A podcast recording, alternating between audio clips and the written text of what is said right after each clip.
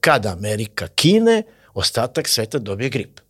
E sad oni nisu kinuli, oni su se ispovraćali. Ja to onda nestanak čovečanstva ili je to neko čovečanstvo 2.0? Gde, gde je onda tu osjećaj za pravdu, slobodu, gde je homo religiozus? Da nemaju telefon, bile bi ozbiljni psihički lomovi. Pa to je najveća religija, telefon. Pa to, oligarhija projektuje utopiju. Ta utopija za ostatak sveta će biti living hell. Čitav ovaj sukup se čini kao neka tradicija duga anglo-američka divide et impera. I kao da se sve nastoji dokazati da Izraelci i Palestinci ne mogu da žive zajedno, a ni Izraelci sa svim ostalima. Pa kao i Balkani. Sjetite se da je predsjednik Putin predno 5-6 godina ovako rekao, ko pobedi u ratu za veštačku inteligenciju, taj pobedio. Sedmi dan prestanka rata između Zapada i Rusije u Ukrajini, a u novoj epizodi podcasta Lokomotiva ćemo pričati o tome kako je došlo do toga. Ja sam Marko Nikolić. Ja sam Tjosa Purić. Dakle, pričat ćemo o otvaranju novog svetskog žarišta, o tome ko je bio prva žrtva izraelsko-palestinskog sukoba, ali i kako je Evropa dobila još jednu bukagiju na svojim okovima. Tako je, u drugom delu emisije razgovaramo sa Stankom Crnobrnjom, režiserom e, i profesorom na Fakultetu za medije i komunikacije o veštačkoj inteligenciji, o e, aktualnim zbivanjima u svetu, o stanju u Sjedinjenim, u Sjedinjenim američkim državama, a naravno pre svega toga da pozovemo naše slušalce i gledalce da nas zaprate na našem YouTube kanalu i takođe da ih podsjetimo da je naš podcast dostupan i na audio platformama Spotify, Deezer i tako dalje. A hoćemo mi polako da krenemo sa ovom našom prvom temom, ovo je zaista jedan uh, događaj od istorijskog epohalnog značaja, čini mi se da je nekako uh, sve zatekao pa i one kojih se najneposrednije ticao. Da, e, pa moramo da damo i neki kontekst svega toga što se desilo i šta je prethodilo sve ovom sukobu. E, imali smo ovaj čuveni, što smo pričali uopšte u našim emisijama, govor e, Benjamina Netanyahua u Ujedinjenim nacijama gde je spomenuo upravo tu crvenu liniju, odnosno e, prelaskom preko Saudijske Arabije, taj novi koridor ekonomskih tokova koji bi trebao da bude neki e, rivalitet sa kineskim pojasom i putem i e, neko izmirenje između zapravo arapskih zemalja, Izraela koje se polako negde gledalo na horizontu i kroz odnose i sa pre svega Emiratima, Katarom, ali i, i Saudijskom Arabijom pre svega. I to je neka stvar koja se zapravo desila evo pre, pre dve nedelje, a sada vidimo uh, jednu kompletno obrnutu priču gde se arapski svet e, negde uh, hegemonizuje oko, uh, oko te ideje zapravo da nema pomirenja sa državom Izrael i iako su i dalje odgovori relativno diplomatski i od Muhameda bin Salmana, ali su rekli da će postati na stranu e, Palestine i Egipta.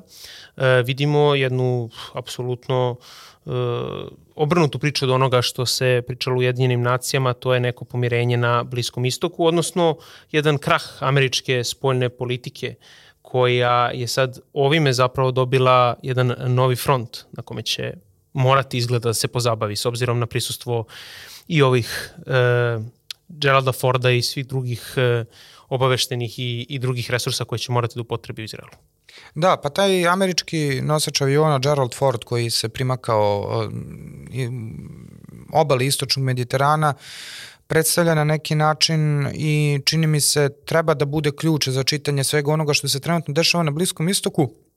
Ja bih samo podsjetio koliko je teško zapravo politički na bilo koji način razgovarati o čitavom ovom sukobu, buduće da mi imamo jednu trijadu američkog pseudomita u 20. veku, kažem pseudomit e, zbog toga što nije još uvek, nije zrelo konstituisan kao mit, to je taj uh, mit o izuzetnim, o izuzetnom dobru, izuzetnim dobrim spasiteljima, o izuzetnom zlu i izuzetnom stradanju, uh, gde su Amerika, nacistička Nemačka i jevreji na te tri uh, pozicije raspoređeni.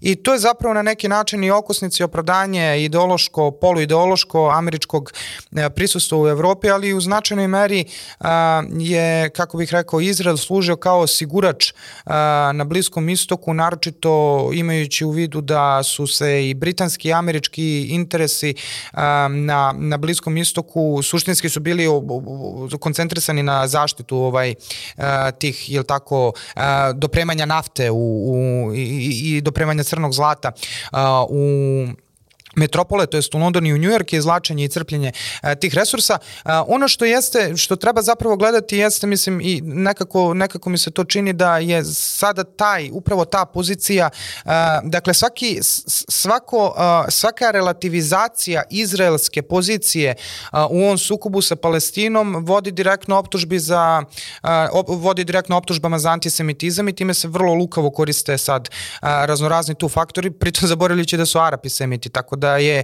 može neko da kaže sutra dan, danas sutra, pa zar nije to izraelski neki antisemitizam, na primjer, prema, a prema a, Arapima. A, ono što bih, na što bih ja podsjetio jeste ovaj memorandum o razumevanju između Izraela i Sjednjih američkih država potpisan 99. godine, koji se iz američkog budžeta na po 10 godina izdvajala značajna svota novca za izraelski vojni budžet. 99. godine je ta svota i u narednih 10 godina bila 2,67 milijardi dolara godišnje, pa je od 2009. godine bila 3 milijardi, od 2019. 3, 1,8 milijardi američkih dolara koje su direktno iz američkog prelivani u a, izraelski vojni budžet i pored, što, pored toga što vidimo inflaciju američkog dolara na delu ovde vidimo i to da je Amerika vrlo zapravo konzistentna u zaštiti, u zaštiti Izraela. E sad, ono što mi znamo jeste da je došlo tu do pretumbavanja velikog, da su se da je zapravo to, to, to potpuno neprirodno na neki način, kako bih rekao, pomirenje između arapskih zemalja i Izraela je zapravo bilo uh, pocrtano zajedničkim neprijateljem koji su Izrael i arapske zemlje imali u Iranu. Ali sada Saudijska Arabija i Iran više nisu neprijatelji.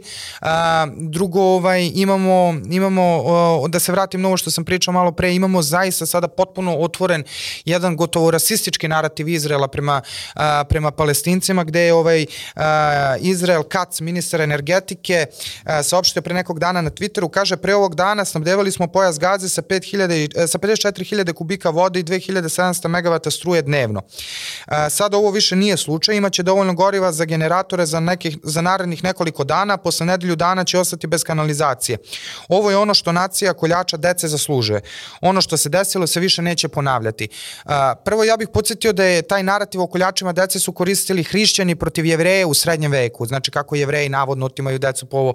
Bilo je nekih povika kao da su palestinci pobili neke izraelske bebe, o tome nije bilo reči. Onda ono što je interesantno jeste da je Bibi Netanjahu spomenuo da su da je u ovom napadu Hamasa su stradali preživeli iz holokausta, čime uh, je zapravo postavljen znak jedan jednakosti između nacističke Nemačke i uh, Palestine, a sa treće strane mi imamo, što je na neki način i moglo bi se nazvati nekom tradicijom imajući u vidu da je Gerald Ford taj koji sada garantuje američki nosač aviona bezbednosti Izraelu, mi imamo sad u sklopu te tradicije činjenicu da zapravo ljudi u Gazi žive u rezervatu. To je najgušće naseljena teritorija na zemlji, gde Izrael u poziciji da im na dugme gasi sve vitalne, pa onda ona priča da ne može da se unese džak cementa u Palestinu, da ne bi slučajno obnavljali one zgrade i kuće koje imaju, nego da bi nastavili da žive u šatorima, što i sami zvaničnici Izraela. Dakle, to je jedan veoma složen sad e, galimatijas odnosa, naravno e, Rusija i Kina su pozvali na, na ovo ispostavljanje... Uspostavljanje rezolucije, da, iz 1947. o dve tako države. Je, tako je. E, sad, to je sve jako zanimljivo jer e, ovaj zapravo napad Hamasa se desio tačno na godišnicu 50, 50 godina od Jom Kipurskog rata, čuvenog tako. rata i kada su Egipat i Sirija izveli uh, napad na, na Izrael nakon uh, što je Izrael zauzeo Golansku visoran 1967. godine. Tako da ovaj rat očigledno ima i simboliku. Sad, to je ona čuvena priča o E, Mossadu, sad da li je tu zakazao Mossad, onda ima ovih ljudi koji kažu ne, oni su malte ne pustili ovakvu priču, mislim, e, broj stradalih Izraelaca e, koji nije viđen, dakle, od 2000. te ukupno do danas, teško da bi neko mogao da pusti i da kaže ma da, mi ćemo ovo da uradimo otprilike da bi imali razlog da napadnemo Palestinu. Druga stvar, Netanjahu koji je sam bio Mr. Neki, Security. Mr. Security upravo uh, neko koji je važio za čoveka koji je došao na vlast ime što rekao da će obezbediti da nikad više na tajne načine stradaju Izraelci. Ne verujem koliko mu ovo ide u korista, naročito imajući naravno vidu ono što sam pričao vezano za to da Izrael planira da bude taj hub neki novog uh, puta e, robe i tako dalje. Tako da tu je, do, da, ovaj, meni ono što je zaista fascinantno jeste, uh, mislim, to malo liče na onu pri, eh, eto sad, gde su se Amerikanci, gde su se Amerikanci zeznuli? Uh, ovaj, oni su nas prvo vaspitali, a onda su nas, onda nas očekuju da mi to vaspitanje ne poštujemo. Mene čitava ova situacija, ako znam da će možda zvučiti prenategnuto, ali pričamo u smislu tehnoloških paraleli, podsjeća na scenu iz vezanih ratova gde oni mali evoksi strelama napadaju na laserske ovaj, puške ovih stormtroopera i, i, i, i imperiju. E, način na koji je Hamas uh, zapravo ovu um, famoznu gvozdenu kupolu, ili se tako zove, ili čeličnu kupolu, taj protivazu PVO koji štiti ovaj, Izrael, kako su oni to, kojim su oni to naoružanjem, kako su zapravo efikasno sve to, uh, sve to anulirali, sabotirali, onda ka, koliko se zapravo pokazalo, ti si imao izvešte o tome, mislim, da, da se sudaraju ovi tenkovi izraelski na kolosecima, vidi se da ni oni, da zapravo uh, ni, ni Šimbet, ja se tako zove, ni Mossad, ni niko nije zapravo očekivao ni na koji način uh, napad ovih razmera, s druge strane je fenomenalno kako su ovi to potpuno, mislim, fenomenalno u smislu uh, vojne strategije. Uh, kako su oni to sve ispod radara organizovali i kako, koliko su zapravo bili, bili uspešni o tome. I ne treba zaboraviti, pojavile su se veze o tome kako je Egipat zapravo nedelju dana ranije najavio da će se ovo desiti. Pa i onda ima, uh, čak su ovi rekli kako zapravo Hamas sve ove drilove koje radi vojne, to je zapravo žele da izmuze još neki novac od Izrela za, za gazu. A ispostavilo se baš suprotno jer je jedna od reakcija uh, Evropske unije na čitavu ovu akciju zapravo obustavljanje pomoći Palestini.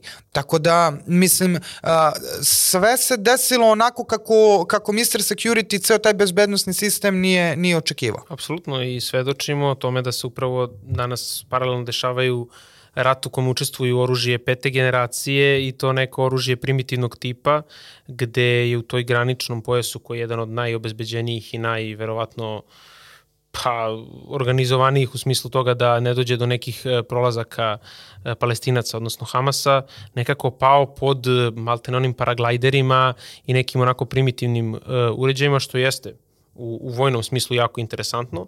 A ovo je znao za krah američke politike, pa evo samo Jake Sullivan je pre nedelju dana, on je savjetnik za nacionalnu bezbednost Bele kuće, rekao da Bliski istok nikad nije bio stabilniji. Tako da, teško da bi takva blamantna izjava, evo sad iz ovog konteksta sukoba koji trenutno imamo, koji je već u prvih sedam dana odneo više žrtava nego svi prethodni 20 godina, e, može da se očekuje da ovakva izjava se da sedam dana samo pre o početka ovog sukoba. Tako da teško da teško da je neko mogu da kaže da je ovo bilo očekivano, smišljeno i da, i da je neko malte ne jedva čekao da se upadne u ovakvu, u ovakvu akciju. A naročito upravo imajući u vidu to da Izrael je ova pomirenja sa, sa arapskim svetom i da je to sad sve negde potpuno palo da, u vodu. Da, potpuno je, potpuno je palo u zapečak i ovaj, vidi se tu, uh, mislim, Uh, da, mis, uh, Hamas, Hamas se definitivno i čitava ta osovina palestinskog otpora se pokazala vrlo uspešnom. Ja mislim da ono gde su Amerikanci, američki mediji sada je potpuna, potpuna euforija u američkim medijima gde će izbiti koji će se sledeći smrznuti konflikt odmrznuti. odmrznuti da. I sad oni sad svi postavljaju pitanje o tome ko stoji za toga, da li stoji Rusija, da li stoji Iran, da li stoji ovi, da li stoji oni.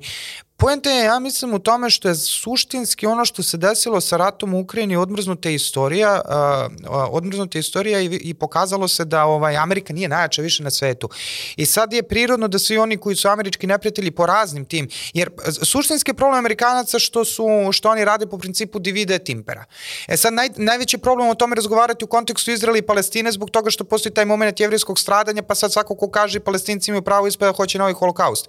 Ali suštinski se radi o tome da da je moguć suživot kao što je u ostalom i predvidela ta prva deklaracija Ujedinjenih nacija. Problem jeste u tome što da bi suživot bio moguć, potrebno je da se jednostavno odbrznu neki procesi da dođe do tu nekih međusobnih pomeranja jednih ka drugima.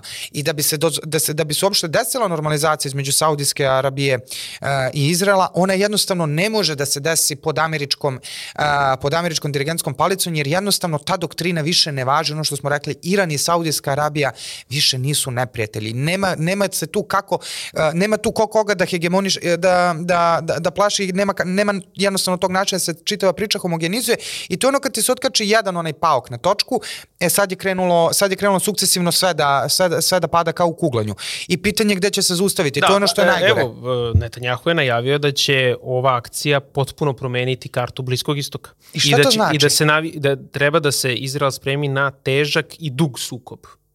Što znači otvaranje potpuno jednog novog rata i da su oni svesni da ovo neće trajati ni sedam ni mesec dana, nego mnogo duže od toga, što se vidi po spremanju izraelske vojske, šta je sve se tu dešava, spominje se ova kopnena invazija, naravno onda će se videti zapravo prava reakcija arapskog sveta, kažem, za sad su samo na rečima podržali i rekli su da ne bi smelo da dođe do te kopnene invazije, jer bi to značilo uključenje i drugih faktora u ovaj sukob, ali ovo zatvaranje vode, struje i goriva, e, od koga faktički ta teritorija zavisi, ja ne znam po kojoj bi to rezoluciji moglo da se nađe da je to u ratu odobreno i dozvoljeno. Pa, e, to ti je sad taj, e, ta, e, ta, ta bizarnost, jer mislim, mi suštinski imamo, imamo Izrael koji je zapravo tu negde, mu dođe kao evropska zemlja na Bliskom istoku.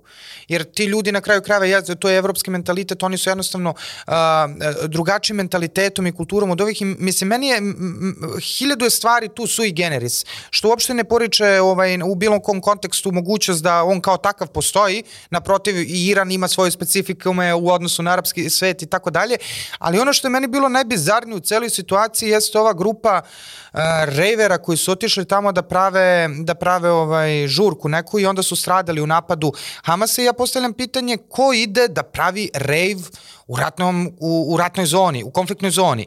I mislim, cela ta situacija nekako, o, to, to je to ubrzavanje istorije, znači sa jedne strane i taj pokrš, pokušaj Izraela da bude, kako bih rekao, da bude specifikum, jer zašto ovo sve pričam? To što si rekao da, da oni, znači ovo neka druga država, da se oglasilo ovako kako se ministar a, energetike Izraela oglasio da će da, da, da preseče sve, sve resurse a, pojasu gaze, ja ne znam šta bi se desilo od strane zapadnih, a, od strane, od strane zapadne, kolektivnog zapada, zapadne zajednice.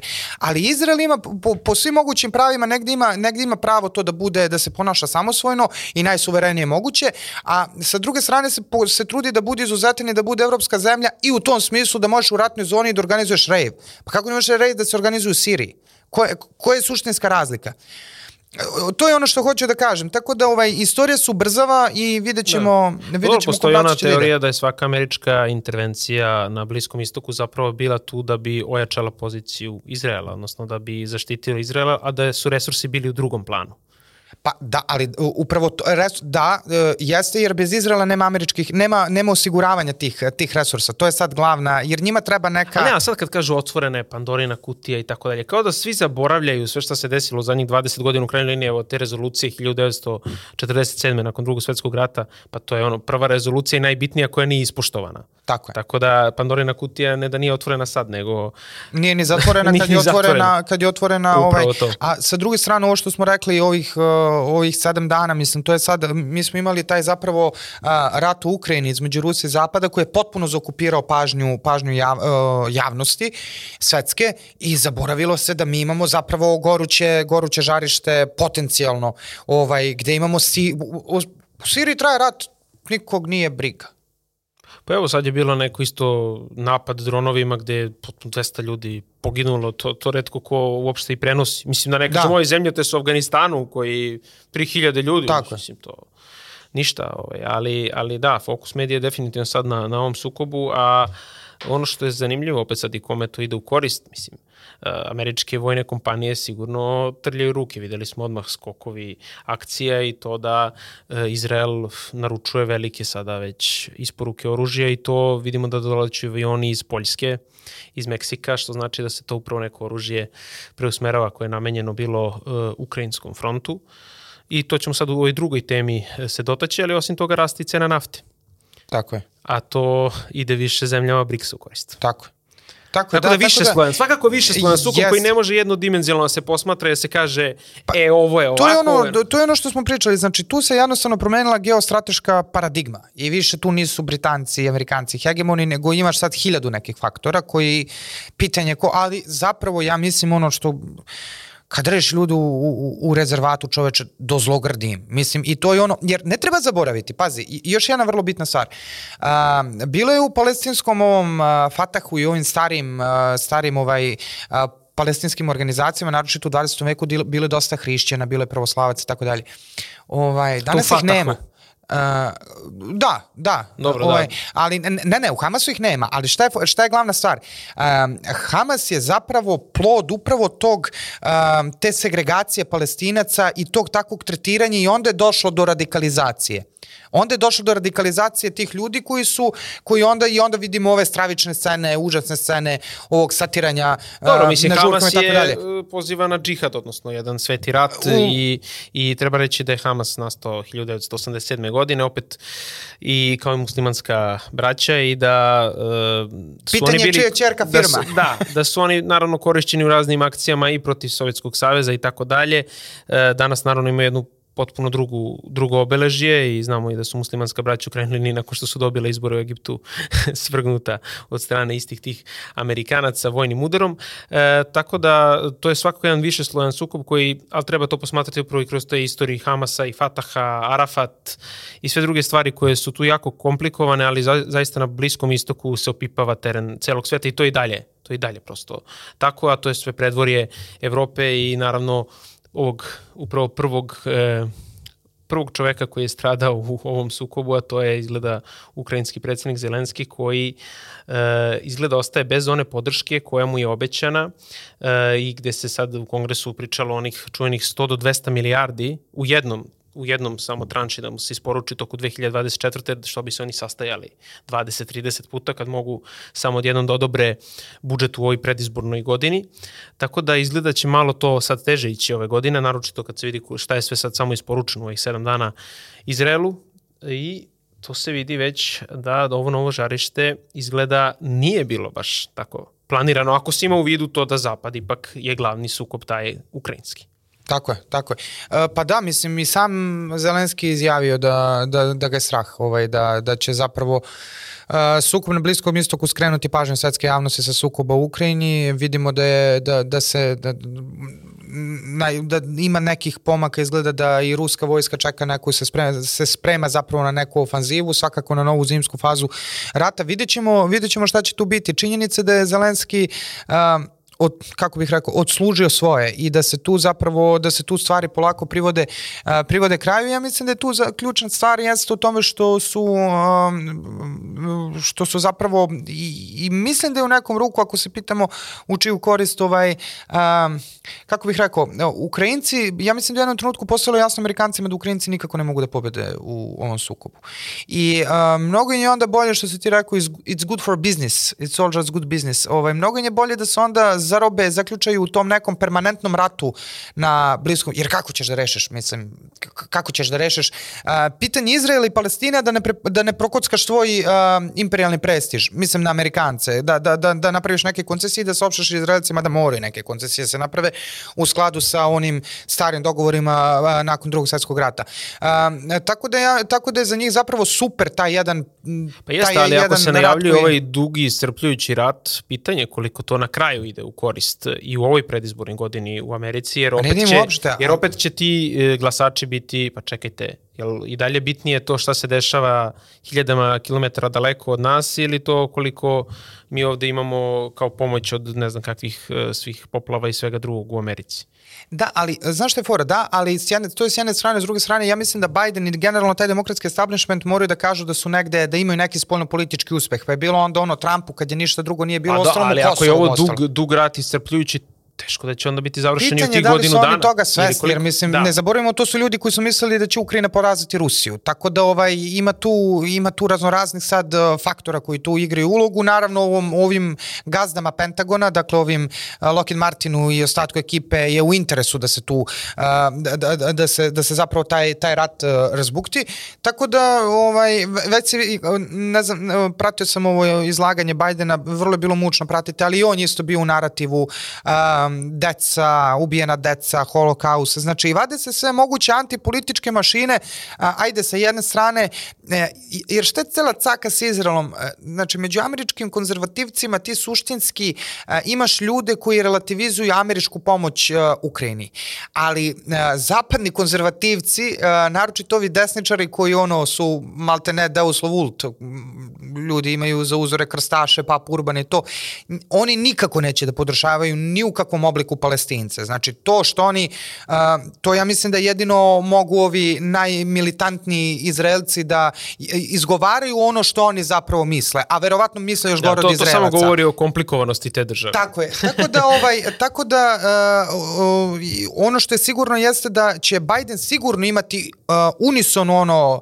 uh, bipartisan uh, podršku za rat protiv, protiv uh, Hamasa, protiv uh, Hezbolaha, protiv Palestine i gde će naravno na kraju patiti palestinski i izraelski narod, jer to su civili koji stradaju, koji stradaju na terenu, a ovi rade svoju politiku divide et impera, šepure se dalje svojim Geraldom Fordom i ostalim nosačem aviona, za koje će pitanje trenutka kada će, neko, kada će da im se dokaže na terenu da zapravo to nema, da su to sve papirni zmajevi. Da, naravno veliku ulogu igraju pre svega susedi, tu su Liban, uh, Jemen koji je već najavio isto. Da, Huti su najavili da će... Da, Irak koji je već prebacio određene trupe, tako da to, to je ovaj, sad uzavrelo i naravno pratit ćemo šta se tu dešava, ali možemo samo kažemo da ovih prvih 7 dana ovo je ubedljivo najkrvaviji sukob, znači... I to, i, i da, ono što si rekao, da, vidjet ćemo, jer pazi, to je ono, opet podsjeć, to, da podsjetimo, to je najgušće naseljena teritorija na svetu. Da. I tu se preti kopnenom invazijom koji crni, oni, oni najave kažu, kažu ovim Egipćanima stavite checkpoint ovaj, za jedan, da se obezbedi koridor koji bi mogao da se, koji bi obezbedio zapravo prisezanje medicinske pomoći i tako dalje palestincima iz Egipta i za eventualno povlačenje palestinaca ka Egiptu, onda oni, onda Izraelci to bombarduju koji su prethodno rekli Egipćanima da to učine. Tako da, sva, svašta, će se, svašta će se tu dešavati, vidi se da su nervozni svi. I to je ono što je očigledno. Kralj Jordana, koji je po majici Englez, po ocu Arapin, ovaj, najavi, najavi pomoć Izraelu. Možda je neko novo arapsko proleće u nekom kontrasmeru, samo vidjet ćemo. Da, vidjet ćemo. E, I ti, ti, ti što su bili stabilni uh, upravo na, na tim pozicijama kraljeva u, u arapskim zemljama, morat će da u jednom trenutku odreaguju jer taj prostor, na, ti narodi će se u krajnjoj liniji pobuniti zbog onoga što se dešava, Tako a je. oni ne mogu da ostanu bez ikakve reakcije. Tako. I imamo na kraju krajeva Bibija koji je imao, podsjetimo se, ovaj, veliku unutrašnju krizu Bibi Netanjahu i koji je sad ovaj, od Mr. Security-a postao čovek kome, kome Habans probija praćkama. Jeste, ali zbog ovoga će neko u Izraelu sigurno morati da bude i osuđen, e, zato što oni će pozivati na odgovornost koja je dozvolio da Tako se ovo dogodi. Tako je. Tako da ne verujem da je njemu baš toliko, on je neko ko ako se pozivao na to, onda će još više snositi odgovornost. Pa ne, ne, upravo to kažem, on da. znači imao je jednu unutrašnju krizu i nju je pravdo time što je on Mr. Security. Sad da, više nije ni Mr. Security, sad više da. nema ništa i sad je pitanje, pitanje šta mu je zapravo ostalo iz tog političkog arsenala da, da, se, da se održava na vlasti i da traži legitimitet. Tako da je to, sve je to komplikovano vrlo. Da, a u kontekstu upravo te nove migrantske krize kojom se preti i Europske unije koja ima sve manje konsenzusa oko nekih pitanja. Evo vidimo da se u Slovačkoj polako formira ta vlada koja će biti negde na pozicijama političkim kao i Orbanova vlada, a i poljski premijer koji je rekao da im ne pada na pamet da prihvataju te kvote iz Brisela, a na pomolu se sprema, izgleda nova migrantska kriza, e, koju naravno e, na ovde na putu u sredozemlju gde, gde Evropa se najviše, gde će najviše zapravo i osetiti svega ovoga, e, izgleda nije uopšte, ne da nije spremna, nego Evropa ponovo ostaje potpuno jedan zapećak koji, koji se ni ne čuje. Gde su Macron, gde, gde je Scholz, imali su neku konferenciju, nešto, ko da se uopšte ne pitaju, ko da je ovo udaljeno, ne znam, ono, e, daleka, daleka Azija neka. Iskreno ja sam vidio samo Lepenovu da je dala saopštenje i podršku Izraelu. Mislim, toliko o tome, ovaj, ne, ne, nema, i ovo što su ukinuli pomoć palestincima, ovaj, što je Evropska unija ukinula pomoć palestincima. Dobro, to jeste politička apsolutno odluka, ali to ko će prihvatiti. I proglašenje, Hamas je proglašen terorističkom organizacijom. Tako da. da, ovaj, tako da to su eto neke dve reakcije, ali mimo to, mislim, to je opet sve po agendi. Tačno vidiš da, da, ovaj, da, da, je, da je gazda rekao da tako mora i tako se radi. Tako da tu nema nikakvih, da. nikakvih sumnja. A Elon Musk ima poruku da ako se ovako nastavi u Evropi je da je građanski rat neminovan. Poruke Ilona Muska su u poslednje Ali... vreme Da, ali ko će da, znaš šta, mislim, ajde, sad ovde imamo, uh, znači prvo u, u, u ovoj, kako se zove, u svetoj zemlji, imamo mlade ljude imamo teritoriju svete zemlje, sve, na, sve puno simboli, prepuno simbolike, ne znam, kad ovi, mač Jerusalimski je izraelska operacija, ne ova, nego neka prethodna, ili pravedni greh, s druge strane ovi idu, potop Alaksa je ova sad operacija Hamasa, sve nekako nabrijeno ti simbolima, mladi ljudi koji veruju, koji žele da se bore, koji lako je boriti se iz pozicije u kojoj su Izraelci s jedne strane potpuno okruženi neprijateljima i palestinci koji su isto tako potpuno okruženi neprijateljima i neverni saveznicima, to jest egipćanima sa druge strane. Ovaj, e, i, I zapravo su tu, tu, tu su sve ljudi koji su zapravo egzistencijalno ugroženi. Ko će da ratuje u Evropi? Evropa, mislim, ja ima staro stanovništvo, tu su samo opet Arapi spremni da ratuju i subsaharska Afrika. Mislim, moguće je to neka varijanta. Pa da, na, toj tragi, na tom tragu građanskog rata, e, verovatno. Ovaj, ako, ako, se, ako, ako Francuzi nastave svojim svetlim tradicijama streljanja crnaca po ulicama, što se već desilo. Tako da, mislim, u tom kontekstu je moguće. Ali sad opet bi to bio neki zapravo međurasni rat. Ne, ne, ne, ne vidim kako mogu se desiti građanski, gra, ne vidim ko bi, ko bi doz... evo, ovaj, bilo isto, um, opet su Nemci... Pa dobro, ako se zabrani AFD u Nemačkoj, ako se dogode e, takve neke da stvari... Kažem, ali uh, opet je bio, ne znam da si, da, uh, opet je prošla vrlo minorna već, ja uh, pre dva dana sam video, ovaj, uh, opet su uhapšeni neki desničari ekstremni u Nemačkoj koji su optuženi za državni udar. I sad mislim, s jedne strane imaš tu situaciju da malo, malo hapsiš neke nemačke, da ako negde nema... I tu slučajno pred izbore. Pa dobro, to je, to je sta, sta, stara priča i u Austriji su isto e, tako hapšeni tako je. za, za to ali desničari strane, koji hoće da ruše državu I onda... Jeste, ali sa druge strane imaš ovog ton, Tonija Črupalu, ovaj, koji je ko predsednik AFD-a, koji čovjek ne može napravi mitinga da ga ne prebiju i da ne završi urgentno, urgentnom posle toga. Mislim, tako da... Um, ali, pa u tom o, kontekstu, verovatno. Pa da, da, mislim, da. ono, uh, s kim smo to, uh, čini mi, možda smo to sa Filipom pričali, da su zapravo sad skupovi AFD ono što su bile gej parade u Beogradu pre 20 godina. Mislim, to sad je na tom nivou marginalna pozicija. Pa da, ali opet AFD ipak ima 20 i koliko kusur po, posto podrške u Nemačkoj. E pa da, ali znaš šta je fora? Ko će, uh, uh, koliko sam ja to razumao, uh, opet je pitanje ko će da izađe njih javno da podrži, da se pojavi na protestu. Pa mislim, ako je da 20 i kusur posto, znači da postoje neki ljudi. Ne, ne, sigurno je da postoje, ali u tom smislu da. vidljivosti. Kako da. bih rekao, vidljivosti na terenu, sigurno. na ono, ono, to je, to je već, jer uh, ne treba zaboraviti da je njima zapravo najuspešnije su kampanje, internet kampanje, gde da. se zapravo ne vide, mislim, vide se ljudi, ali opet su to izabrani ljudi koji targetiraju ove nevidljive internet, uh, korisnike interneta. Tako da je sve u svemu to je jedan vrlo zanimljiv kontekst, vidjet ćemo šta će se da, dešavati. ali možemo samo zaključimo da je, da, upravo što smo rekli na početku, sedmi dan kako rat Zapada i Rusije u Ukrajini ulazi u neki peti kontekst zbog svega Tako je i da američki mediji, to sam uh, krenuo sam malo pre da kažem, ali ovaj najavljuju rat, sad su na pomolu kažu rat Srbije i Kosova i rat Severne Koreje i Južne Koreje i, I ne znam Tajvan je, i Kina verovatno. I Tajvan i Kina i ovaj i već vidimo sledeće zastave na Brandenburškim kapijama. Uf. Ima li mesta za toliko zastava, da? Naći će. E, Napravit će da. novu Brandenburšku kapiju. Toliko za naš e, prvi deo. U drugom delu emisije gost nam je Stanko Crnobrnja. E, ostanite uz nas, pratite nas i na audio platformama kao i na našem YouTube kanalu i mi se vidimo u drugom delu emisije. Dobrodošli u drugi deo podcasta Lokomotiva. Sa nama Stanko Crnobrnja, filmski reditelj i profesor na Fakultetu za medije i komunikacije. Dobrodošli, profesore. Hvala, bolje vas našao.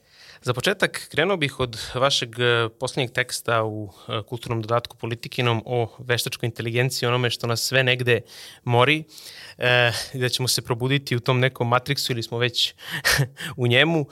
Vi ste tu pisali o jednom zanimljivom čoveku, to je Irving John Good, čovek koji je učestvovao i u dešifrovanju enigme, čuvene čuvenog aparata Hitlerovog za vreme drugog svetskog rata i o tome kako je on zapravo neku, neku svoju karijeru završio uh, time što je napisao jednu knjigu uh, gde je uh, pisao o toj ultrainteligentnoj mašini koja bi mogla da bude zapravo poslednja mašina koju čovek treba da napravi. E pa profesore, da li mi živimo u vremenu gde smo napravili poslednju mašinu koja je čovečanstvu potrebna? Ne, ne, ne, daleko od toga. um, on je pravilno predvideo što pokazuje da ta priča o veštačkoj, veštačkoj inteligenciji traje već dobrih 70 godina kao stvarna priča, ne kao science fiction. I e, veš, veštačka inteligencija je sada na samom početku za javnost, za svetsku javnost, za medije a njena tehnološka faza je uporediva sa onom fazom u 19. veku kada je fotografija prešla sa onih ploča na prvu sledeću tehnološku varijantu, a vi znate gde je fotografija danas. Znači, samo zamislite razvoj koji je eksponencijalno veštačke inteligencije u narednih 15 godina možemo da očekamo 20 godina tu perfektnu super mašinu. Možda zbog ovih svih svetskih okolnosti i nešto malo ranije, ali e, većina naučnika koji se bave predviđaju tako 40 50 da će se dostići ta hiperinteligentna mašina koja ima intelektualnu moć koja je veća nekoliko hiljada puta od ljudske najviše inteligencije. Tako da to je skoro nemoguće zamisliti tu snagu. I kad se ta mašina pojavi, rekao je Wood, završeno. Ljudi više nema šta da rade ni da prave, jer ta veštačka e, inteligencija, odnosno ta perfektna mašina će praviti nove i nove mašine i preuzet će sve što je do tada ljudski rod radio i intelektualno i fizički. Je to onda nestanak čovečanstva ili je to neko čovečanstvo 2.0? E sad, to je zanimljivo. To je zanimljivo zato što postoji sad nekoliko, kao i uvek, postoji nekoliko tih predviđanja šta će tu u stvari da se desi. Da će do tog momenta te hipermašine da se uh, ostvare neke dve mogućnosti. Jedna je mogućnost ta da se ljudska bića na neki način fuzionišu sa mašinom A druga priča je ova malo više e, fatalistička, da će ljudska rasa jednostavno u procesu evolucije biti zamenjena tom novom rasom, jer moje opet lično ubeđenje da veštačka inteligencija kad postigne to mesto u društvu koje je čeka, će prvo istog momenta da promeni to veštačka inteligencija i zvaće se super inteligencija ili nešto treće. Novi ljudi. Da, ali zapravo će, će čovek to negde već zamen. prihvatiti, jer evo danas imamo ova ispitivanja, Elon Musk radi već svojim implantima u mozgu, Jest. gde paralisanim ljudima omogućava Jest. maltene da pokrenu svoje ruke i noge. Dakle, ljudi će na neki način pristati da bi imali bolje sposobnosti. Apsolutno, to je ta uh, linija koja vodi ka uh, hibridnom čoveku. On je, znači, hibrid ono cyborg, ili tako, to da. znamo iz svih e, hibrid, te e, e, tehnologije koja je ultra inteligentna i bioloških konfiguracija koje čovek sam u sebi ima.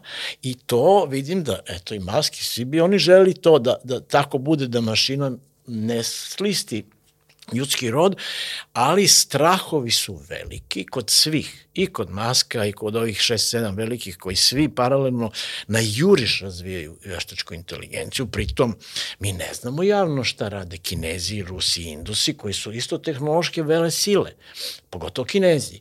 Mi ne znamo šta oni rade i kako će oni to da handluju sa milijardu i 400 uh, miliona stanovnika. U svakom slučaju, uh, uh, the race is on tako kažem, sad, sad trka i mi sad posledno trku, sad ovih koji su posmatrači, oni su predstavljeni. Ovi koji sad tu trku treba da regulišu, da ima tu neki sudija, da ima nešto, da li se trči na vreme, da li se trči na kvalitet, da li se trči na šta, ko su ti ljudi? To su ovi kao što drže političke sisteme i privredne sisteme. Oni nisu toliko predstavljeni koliko uh, uh, ovi kapitalisti su o, o, o, oduševljeni e, mogućnostima profita i ovaj i, i onoga što mogu time da da prigrabe, a ovi drugi političari su oduševljeni mogućnostima manipulacije. E sad, kako sebe da zaštiti u tome, to je priča današnjice. Kako ta oligarhijska klasa vidi ceo taj razvoj.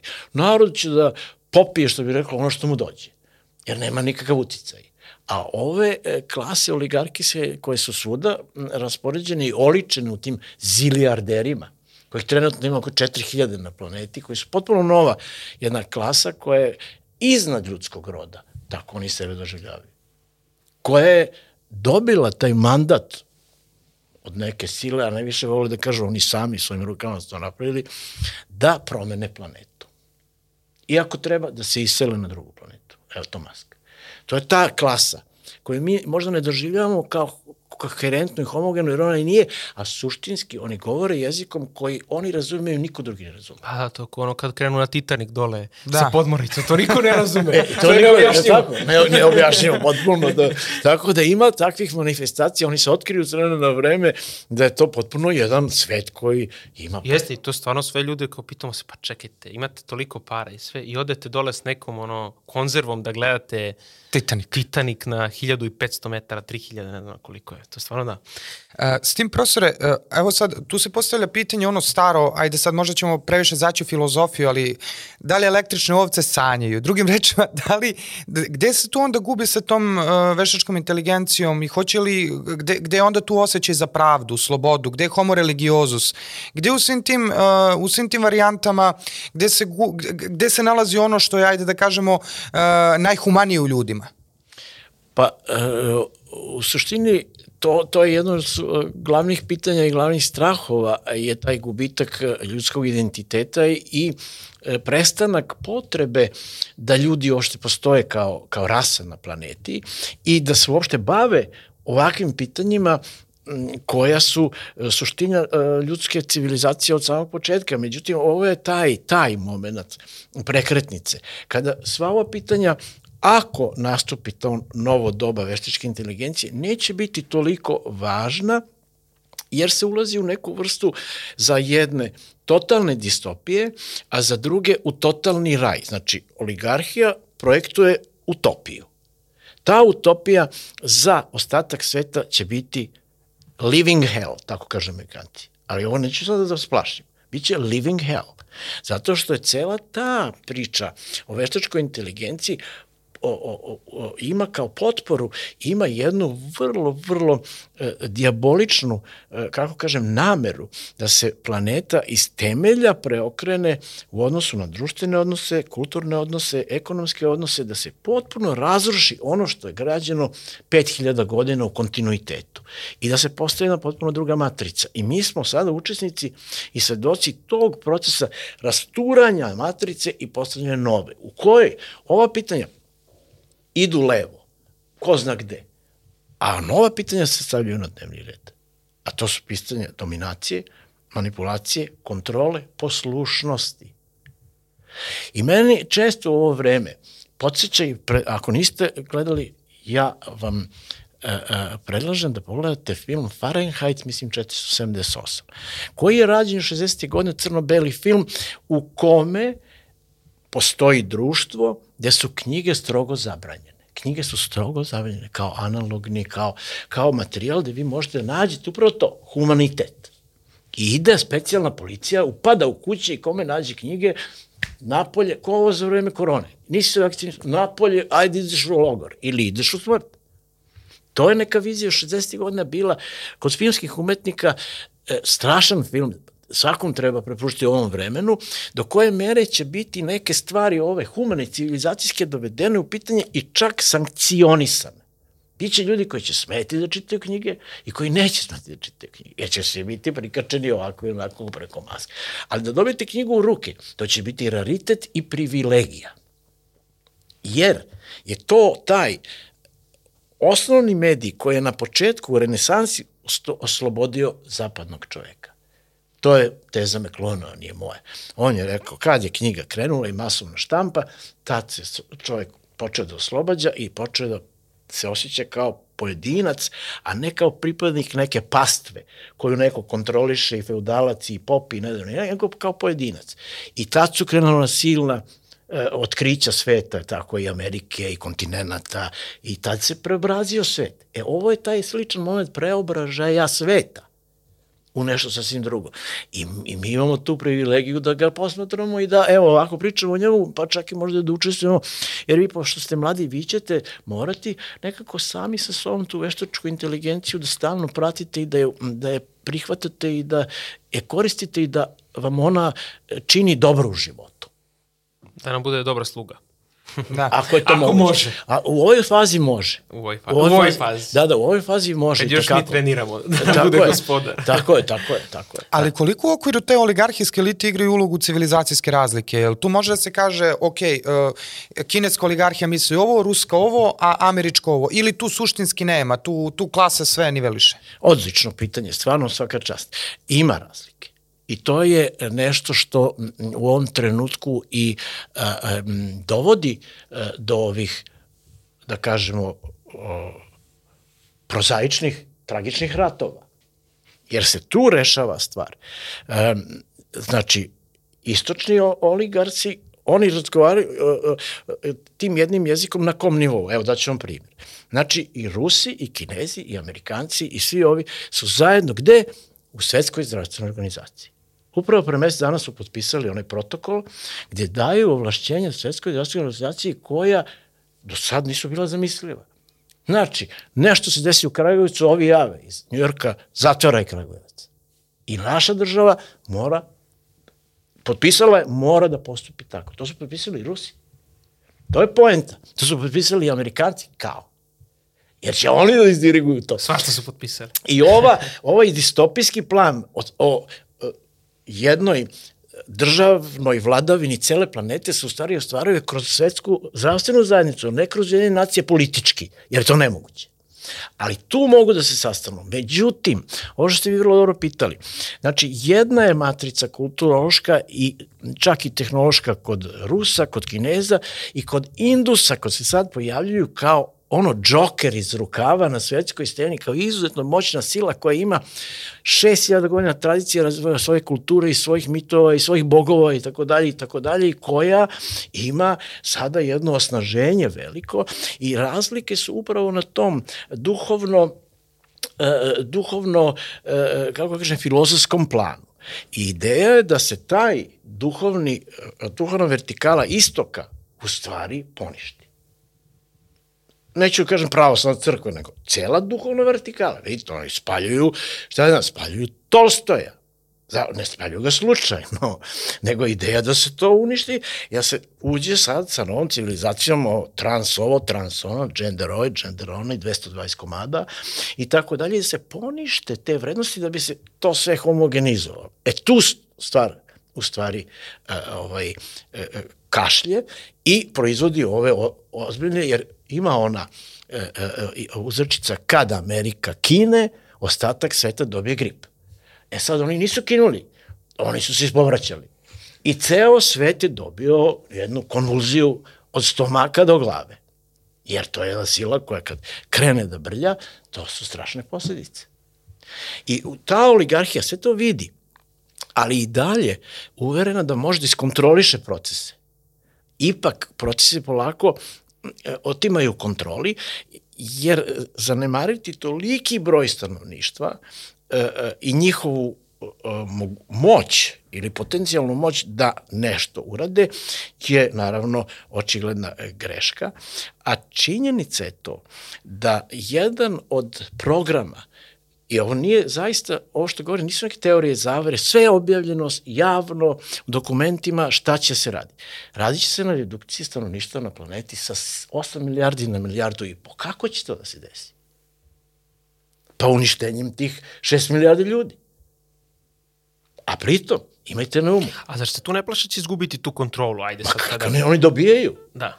Jer oni kažu useless eaters beskorisni ovi žderači. Izelice, da. Jedu nešto, izelice, klopaju, tako. Šta će im šest milijardi tipova koji su za njih A je to zato što će ta veštačka inteligencija sad kren, mislim, eh, ako je cilj eh, poništavanje tu konzumerizma, jer za nije uvek kao više ljudi, jel tako, to radi više ekonomija, više se prodaje. Sad je to potpuno kontra svega ono, one logike što smo do sad imali. To sam upravo malo pre rekao. Da. Znači, potpuno se pravi jedan da. novi svetski poredak da. ili, ili nova jedna, jedna matrica kako će svet da funkcioniše. Znači, ukidanje mesa, ukidanje ovaj, CO2, ukidanje raznih elemenata koji su sad sastavni deo našeg okruženja i stvaranje jednog novog, ovaj, jednog novog sistema u kojem zaista to je Varoufakis, opet nisam ja to izmislio, nazvao on je cloud feudalism kao cloud, ovaj, elektron, da kažemo elektronski Aj, feudalizam, da. tako? Da. Sve je u cloudu gore. I on je tu napravio jednu vrlo zanimljivu, ovaj, a, a, i treba pogledati ta, tu njegovu na YouTube-u e, jednu sat emisiju sa BBC-a, mislim da je rekao, izuzetno interesantna za vas kao mlade novinare, a, jer on dosta, dosta dobro promišlja. U svakom slučaju, šta? E, Stvara se zaista taj neka novi oblik koji liči malo na feudalizam, gde je šta? Profit se sada generiše ne e, iz, vlast, e, iz vlasništva nad kapitalom i sredstvima proizvodnje kao Marks i Engels, tako? I sad vi učite i to iz eksploatacije e, e, proizvodnje, nego kao, kao u feudalizmu iz eksploatacije prostora. Feudalisti su bili bogati zato što su imali vlasništvo nad zemljom, nad prostorom. I odatle su vukli rentu.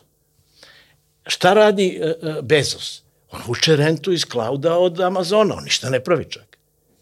On bukvalno ništa ne pravi. On samo ima taj prostor u koji, su, usluga. u koji su parkirani milijardu firmi, koji rade nešto i on od toga uzima rentu.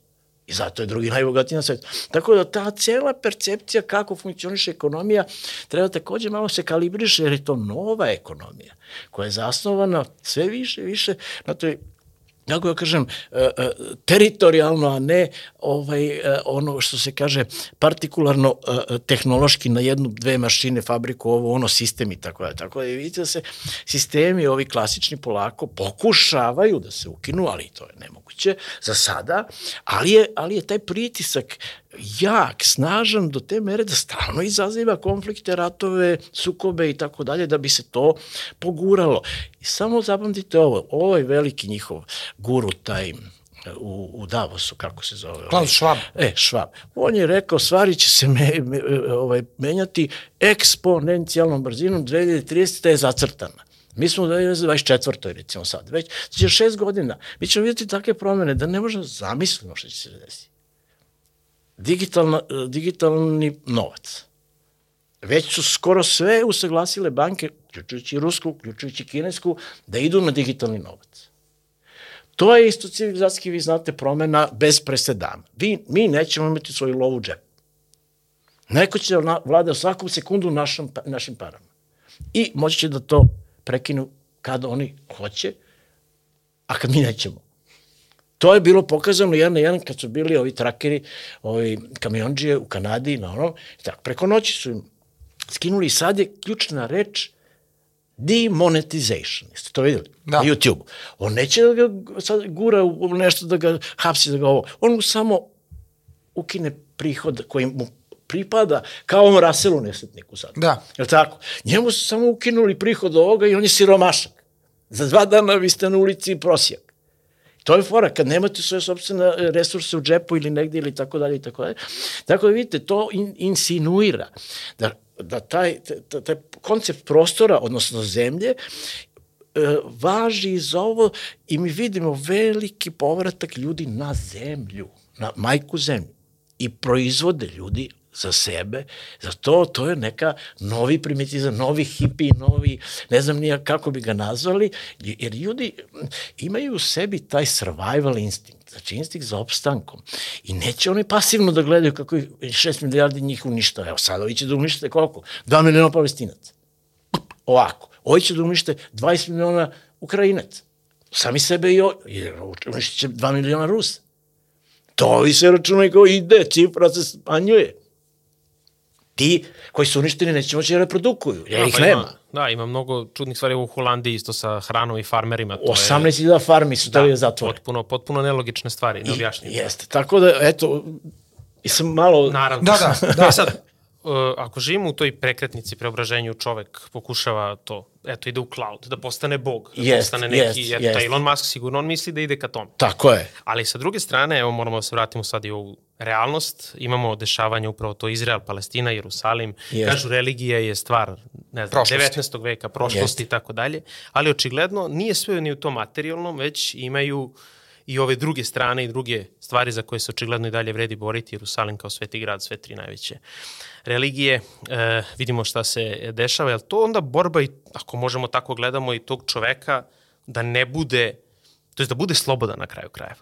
E, I da i ne. E, Imajte na umu da je Lenin rekao religija to je opijum za mase. Znači to je pokretač, pokretačka sila je religija, ali ona, ona nema drugu funkciju.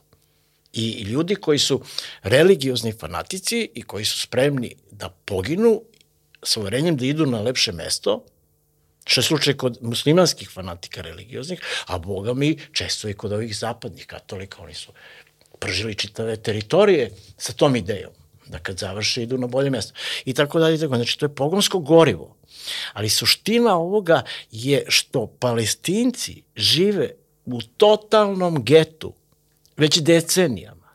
Ukljašteni između Egipta i Izraela koji je napravio dil da ih tu drže kao jadnike, bednike koji nešto tu kao smetaju faktički, kao etnička zajednica, kao političko društvo. Neće ih, jer su ih neće tu, jer su smetnja. Prave zidove, prave uh, konclogore, sve ono što su jevreji doživjeli. To je ta jedna od prvih rezolucija jednih nacija, pa, ali ona se ne poštuje. Pa, evo, ali, mislim, dobar dan. neki drugi. Jeste imali nešto da. novo, kao pa ne poštuje, zato što taj raspad svetskog uh, tog uh, sistema, uh, uh, kako kažem, pravnog sistema na koji se pozivaju zapadne sile toliko često da oni rade po, po, po ovaj, pravu, sami su ga srušili prvi i mi smo bili jedni od dokaza tog rušenja Američani među prvima su kod nas rušili to svetsko međunarodno pravo, je tako, i konvencije. I uporno se ruši ta 1244 postala već kao fama. Rezolucija se stalno krši, svakog dana.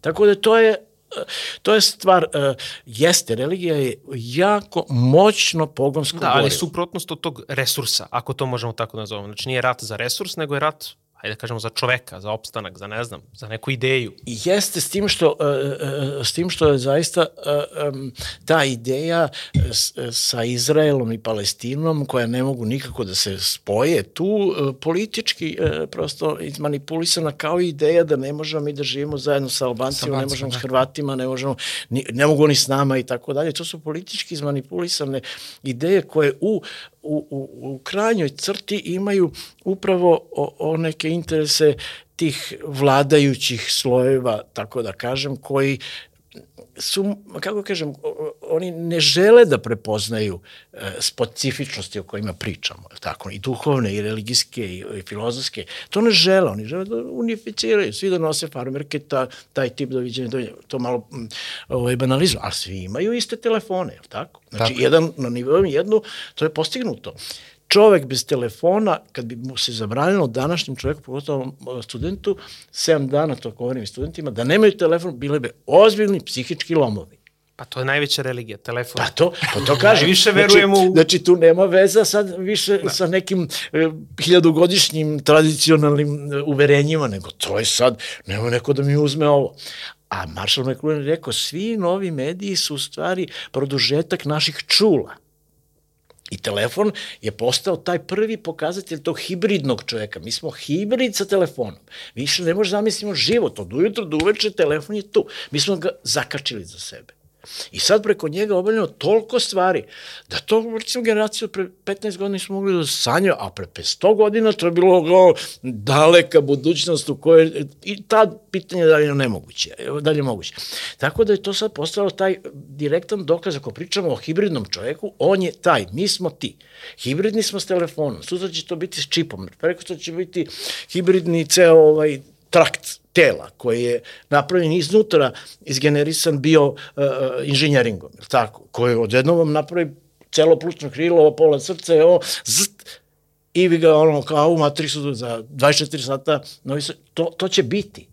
To, to nije uopšte više sada... A to iz čovekove želje da bude stalno pametniji, bolji, brži u sportu, da stalno ruši rekorde. Doktrina progresivizma. Da. Jeste upravo to. A, a, Amerikanci su to razvili prosto do, do savršenstva tu kao doktrinu, a, oni to zovu manifest destiny, jer tako oni misle da su nacija koja je... City on the hill tako je stavljeni na planetu da predvode planetu, pa ako treba i na Mars, ako, ako treba i da je unište i tako dalje.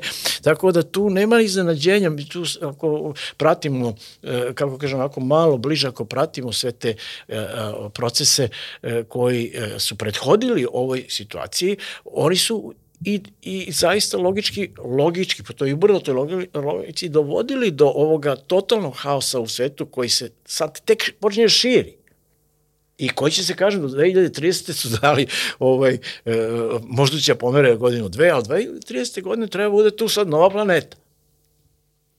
Uprkos farmerima u Holandiji, uprkos trakerima ovamo, uprkos e, indusima kojih sad ima najviše milijardu i 500 miliona, malte ne, oni i dalje furaju tu agendu 2030. ima da bude i šta?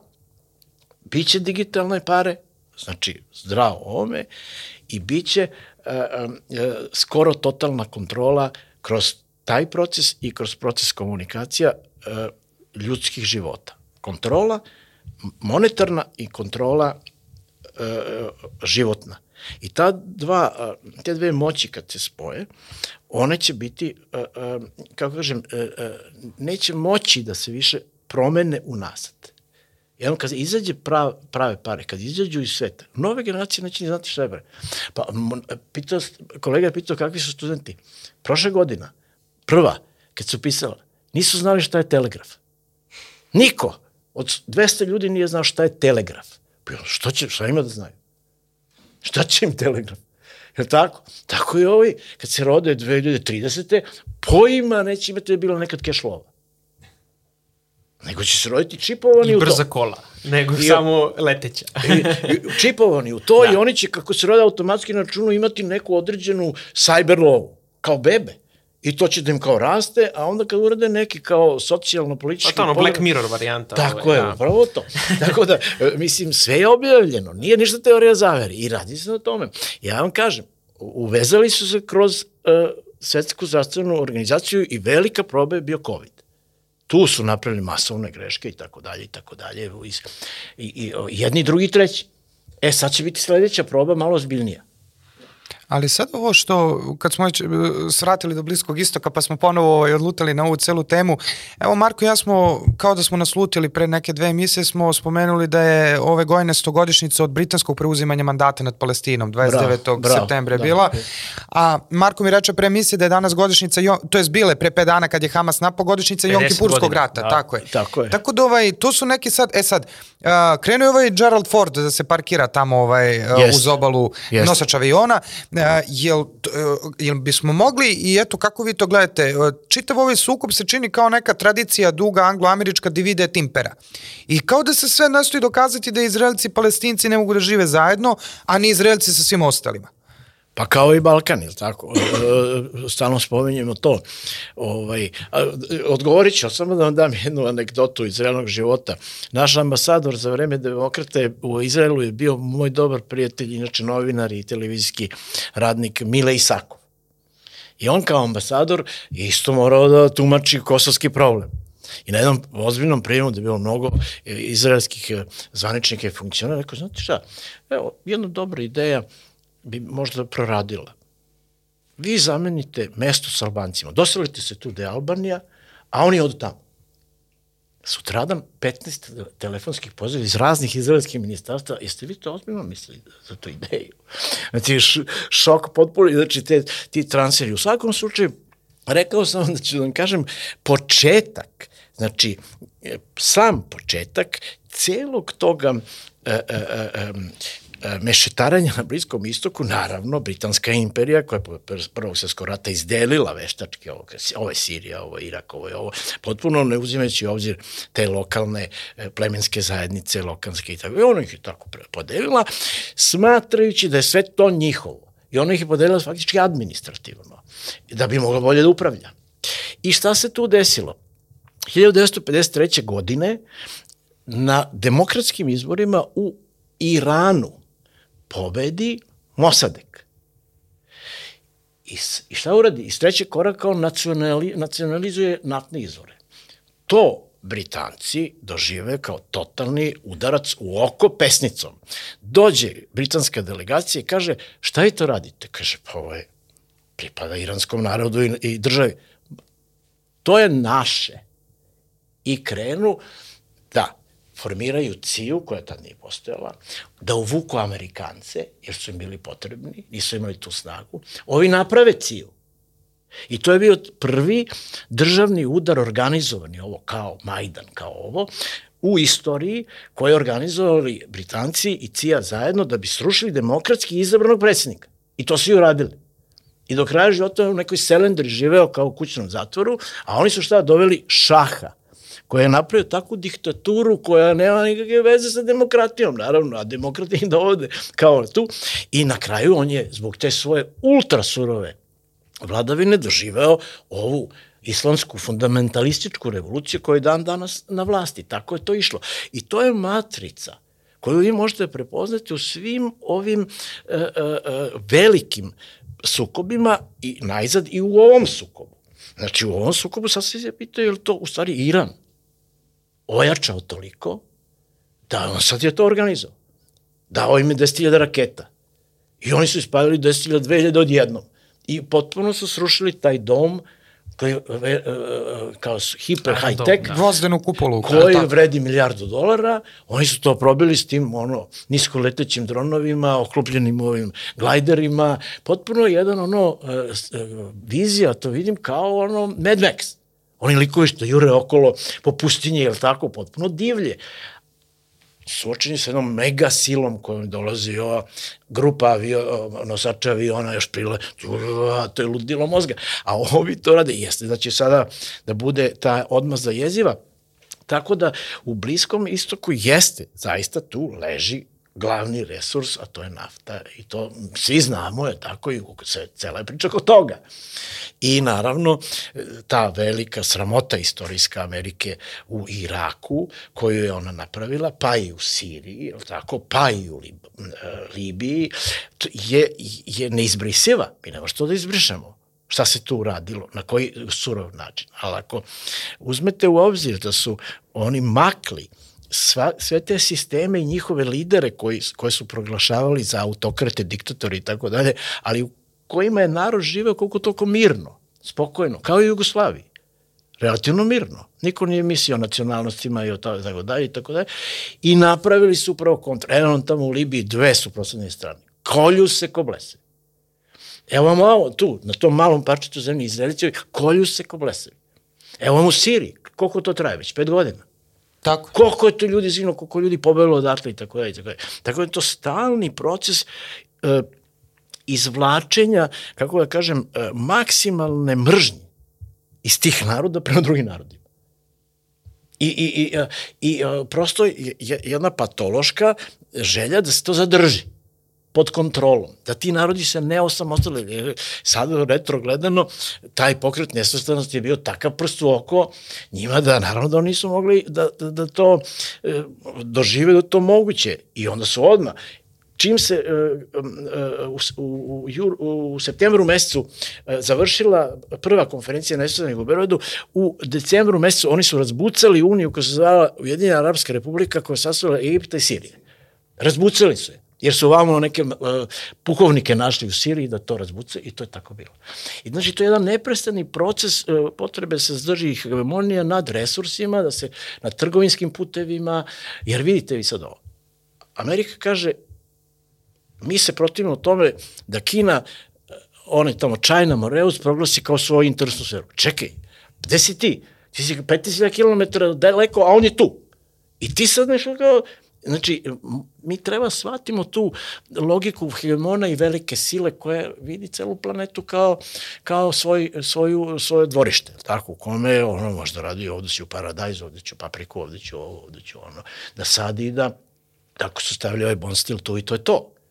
I ovo se ne zanima koliko će da strada Srbe ili balanta, to ih, nije, nije u računu. Važno je da on tu i kad, kad bude zatrebao, on će raditi. Tako da, da, tako da je to u bilo kojim okolnostima, to je ta jedna ista matrica koju sam uh, uh, vam uh, uh, oslikao u tom rušenju Mosadeka. Kad vidite da se neko usprotivi, vi ga slistite i uvedete najgoru moguću diktaturu i s njom dilujete. A vi se onako borite za demokratska prava u svetu svuda. Jurite ovi što nisu vaše cene, a vi niste demokrati, vama ćemo sankcije, a pa tamo čekaj, ne može ljudska prava. Rusija nije mogla da se vrati u ovaj komitet za ljudska prava. Ste li to? Neko ludilo. Tako da, e, a, o, a, a, a Americi ovi tamo kukaju crnci ovi po ulicama gde su nam ljudska prava, što radimo. E, upravo to sam hteo, uh, kad ste spomenuli mržnju i to kako se zase da. mržnja, e sad, to imamo sad u Americi, onda najbolji možda primer trenutno je mržnje i pre nego što je krenulo ovo spaljivanje knjiga Tolstoja, rušenje spomenika sovjetskim junacima u, u Evropi i tako dalje, e, pre svega toga je u Americi krenuo jedan revizionizam istorijski gde su oni sami krenuli da ruše svoje spomenike, da spaljuju knjige, te opet neke liberalno leve struje sad koje su kroz antifa se verovatno najviše i registruju. E, ali tu su pošteni od Da. Britanaca.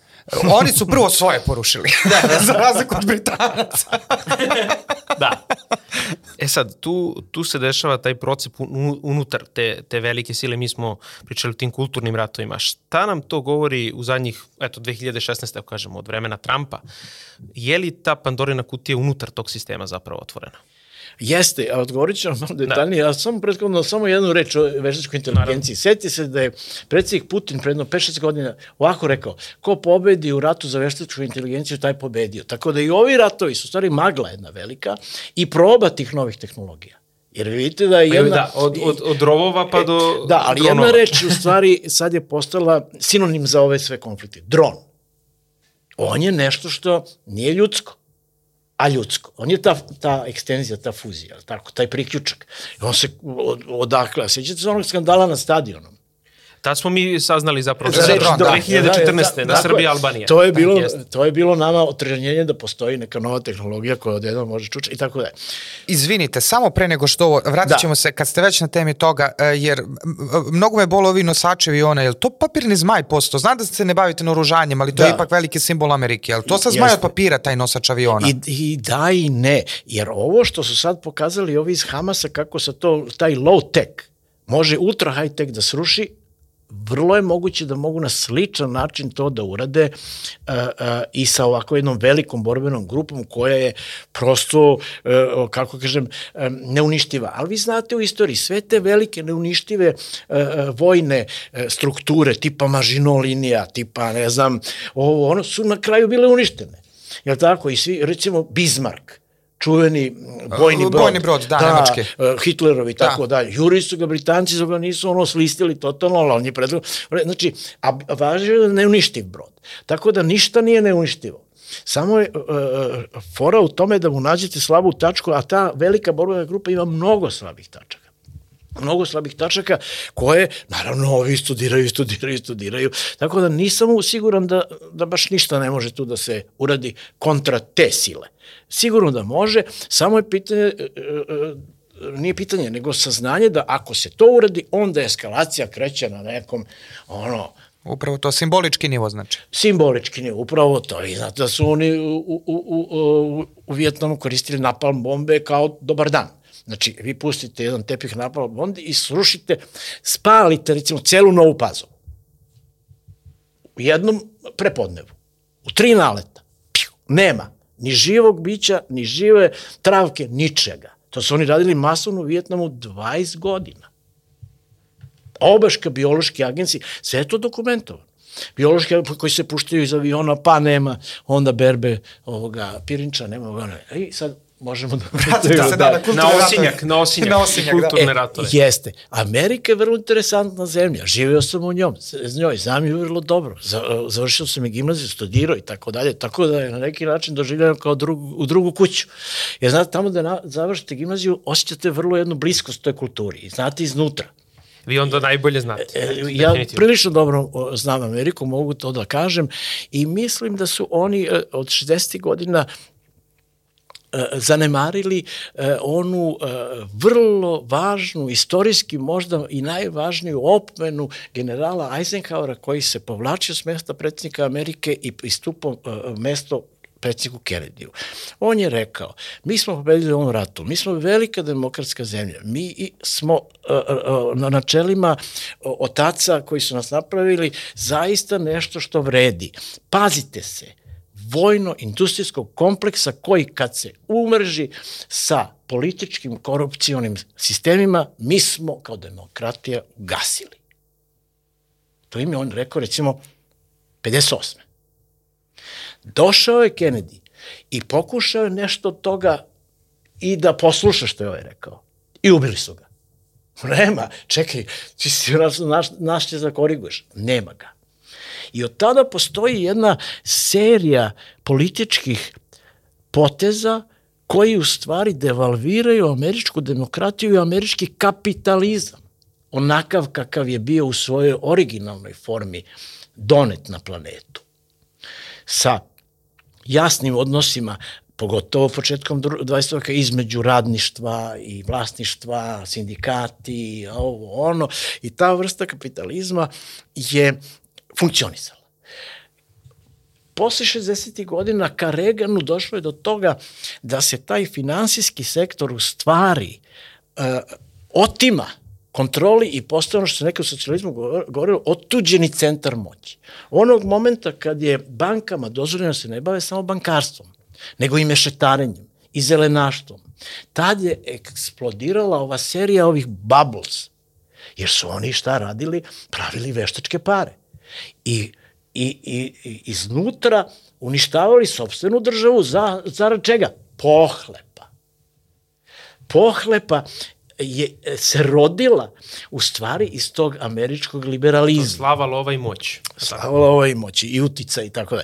Tako da, e, tako da je ta geneza se odvijala vrlo brzo da bi ona, e, da bi ona e, u jednoj svojoj tački zenita dosegla moment kada je promenjen njihov izborni sistem, odnosno finansiranje izbora u Americi koje je bilo strogo regulisano u tom demokratskom principu. Ne možeš sad ti da kupiš sebi senatora. Sad možeš. Jer nas dvojica se kandidujemo i odjednom kolega hoće nam da milijardu dolara da prođemo. I mi prođemo, jer imamo više love. Tako funkcioniše izborni sistem. Osim toga, sad poslednja tačka je ova krađa izbora oko Trumpa, koja je svima očigledna, čak i onima koji osuđuju sada sudski osuđuju ove koji negiraju da je to bila krađa. Pa u te mere sad zaoštrenje sistema došlo. Takvo zaoštrenje, zaoštrenje sistema ono mora da dovede do ozbiljnih društvenih sukoba. I mi ih vidimo. Ovi kažu pokradeno, ovi kažu nije pokradeno. I, spo, i, i spremni su da se tuku za tu ideju. Među sobom, jedna država spremni su da idu naoruženi jedni protiv drugih kao ono u 19. veku. I njihova se istorija na neki način ponavlja, jer nisu naučili, kao što kaže poslovica, na prethodnim greškama. Nego se misli može da traje koliko hoćeš. I sad tu je jedan uzavreli lonac koji je doveo do toga da se pojam desnice i levice doživaju potpuni salto mortale. Sad jednom desnica se zalaže za prava radnika. A levica ne vidi radnike, nego vidi samo džendere. I vidi samo neku kao priču o korektnosti, koja se začela isto 60. godina. Ja bio prisutan. Kad su uveli šta? Uh, uveli su uh, tu, da kažemo, pozitivnu diskriminaciju, što je oksimoron. Ako nešto diskriminacija ne bude pozitivno. Oni su uveli pozitivnu diskriminaciju, sad su je tek ukinuli. Posle koliko to ima? Posle 50 godina su skapirali da je to blesavo. Oni su uh, zapošljavali mnogo više Amerikanaca, mnogo davali mesta u školama i tako dalje, na uštor koga? Ovih drugih koji nisu. Pa i dalje to, mislim, funkcioniše. Sad su polako za... počeli to da ukidaju i nivou su to ukinuli, taj, ta, taj uh, affirmative action i pozitivno taj discrimination i sve to zajedno. To je povuklo u stvari ta vrsta tretmana eh, određenih društvenih grupa je povukla u te etničke političke sukobe i istovremeno iz toga u ove uh, polne ili ti gender, kako oni to zovu, sukobe koji u stvari su, uh, uh, kako kažem, surogat politike. Jer vi u Americi imate 7,5-8% LGBT plus hiljadu tih ljudi. 7%. Tako je jedna Srbija. I sad vidite da su dve najuticajnije zajednice u Sjedinjim američkim državama su jevrejska i LGBT. Jer oni generišu sad u ovom trenutku najviše društvenih e, e, promena, da li dobrih, da li loše, ali oni ih generišu. I naravno da je to sad moralno opet na nekom nivou da dođe do, do otpora. Jedan otpor je štrajk u Hollywoodu, ali sad trekući štrajk, štrajk je štrajk automobilista. Automobilski, da. I to isto zbog veštačke inteligencije u Hollywoodu, je li tako? Jeste, zbog Da, veštačke Hollywood inteligencije, raspad. prvenstveno zbog veštačke Da, inteligencije. da. A ovamo ovi e, e, proizvođači automobila u svatu biće električni, radit će oni električne, ali tu je sad jedan ponovno vraćanje svesti o totalnom gubitku prava radnika na američkom, u američkom kapitalističkom sistemu i sad su, naravno, istorija to napravi. Oni imaju nekoga sada vođu sindikata koji je pravi, onaj radikalni. On ovako kaže, sve milijardere, one zilijardere, jel, u Americi kojih ima 780, da pobijemo. Mi radnici da ih pobijemo. I sad to je ekstremno. Jel tako? I sad je opšte talasanje, čekaj šta, ko je ovaj ludak, odakle došao. Onda imate Kennedy Jr. koji se jednom pojavljuje kao čovjek koji 40 godina radi u njihovom pravnom sistemu i zna ga iznutra kao svoj džep. I ne može ništa da mu se pri, a, a, a, ovaj, prikači što, što bi volili da mu prikače, ali on je opasnost na radaru jedan na jedan upravo za ovu nomenklaturu koja sada u stvari postavlja pravila igre u Sjedinjenim američkim državama. To je ta neokono, ni zovu, ili neoliberal, i još uvijek. I on je opasnost. I ovaj sindikalac je opasnost. I tako da svuda u Amerika je takav sistem koji kad dođe do zida, ona nekako iznedri neke snage, neke sile, neke pojedince, kao Martin Luther King, koji obično i ubiju kao i ovo Kennedyovog i, i, i uh, strice, Strica, šta, da. da, i oca su mu ubili u političkom atentatu. I znači on je stavio isto glavu na panji sada, tako, samo čekam kad će njega. Tako da, ali iznedre neke e, ljude koji, ili pokrete, koji se suprostave tom glavnom narativu, kada ustanove da taj narativ ugrožava šta? Samo stanovništvo, sam njihov opstanak. A ovo je ta situacija ovo što smo na početku pričali, to ugrožava i veštačka inteligencija, taj novi brutalni kapitalizam, bez ikakvih prava za radnike, ta jedna globalistička igra e, ekonomska gde se sve to izmestilo napolje za eksploataciju u Kini, Indiji, ovamo namo, ovi ostaju bez posla, njihovi radnici. Sad, sad su opet i poljoprivredu počeli ovo kao i u Holandiji i tako dalje i tako dalje. Znači, sigurno je da će u Americi se pojave neke snage, već se pojavljuju, koje će se usprotiviti tom toku razvoja zemlje i države i može da dođe do odcepljivanja pojedinih država. Prvu šacujem da će to da bude Teksas. Jer je on kad bi bio država, šesta država po ekonomskoj snazi na planeti. Znači ima onu svemirsku industriju, naftnu industriju, mislim šta sve nema. Ima poljoprivredu a, a, i radne snage koliko hoće samo puste ove preko grane i Iz kao vi da. radite, aj nazad sad i tako dalje. Znači moćna država koja sebe e, vidi kao državu koja ne sme da joj se naređuje. A pogotovo ne da joj se otima oruđe, oružje narodu. Taj njihov čuveni amandman, ili tako, koji garantuje slobodu nošenja oružja bez pitanja, je tamo prosto religija u Teksasu. I znači, može doći do da, da određene e, države počnu da razmišljaju o tome da se izdvoje, tipa e, škotlanđani u Britaniji, tipa ovi ovamo, ovi onamo i tako dalje, tako da je turbulencija u Americi dosegla taj nivo.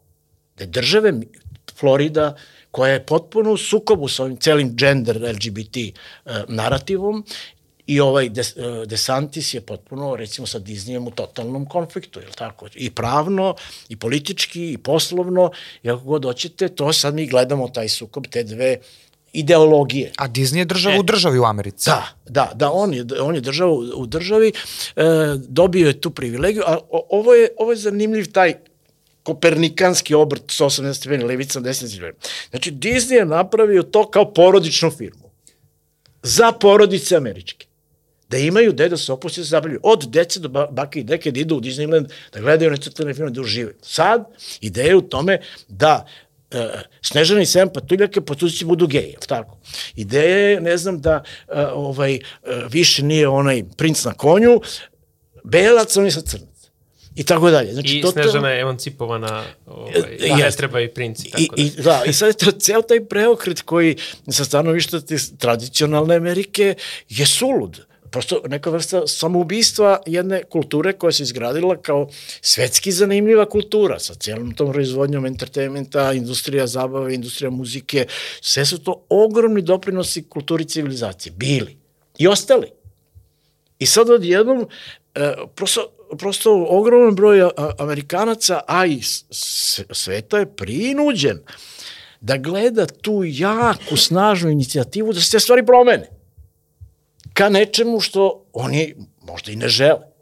Znate ono kao, sad e, su spustili uh, uh, godište, 12 godina, dete ima pravo da samostalno bez roditelja menja seks. I da uzima hormonsku terapiju, da. ode od kuće i tako dalje. Znači, to je ekstremno. Yes. I, I to je zaista ekstremno. E, na tom planu, praći se na vaše pitanje, na tom planu se sukobe sa istokom. Istok to ne da. Evo, pre neki dan je gospodin Putin kriminalizovao homoseksualnost. Ponovo. Tap ne može. Kriminal. Do teme, Kini da ne pričamo.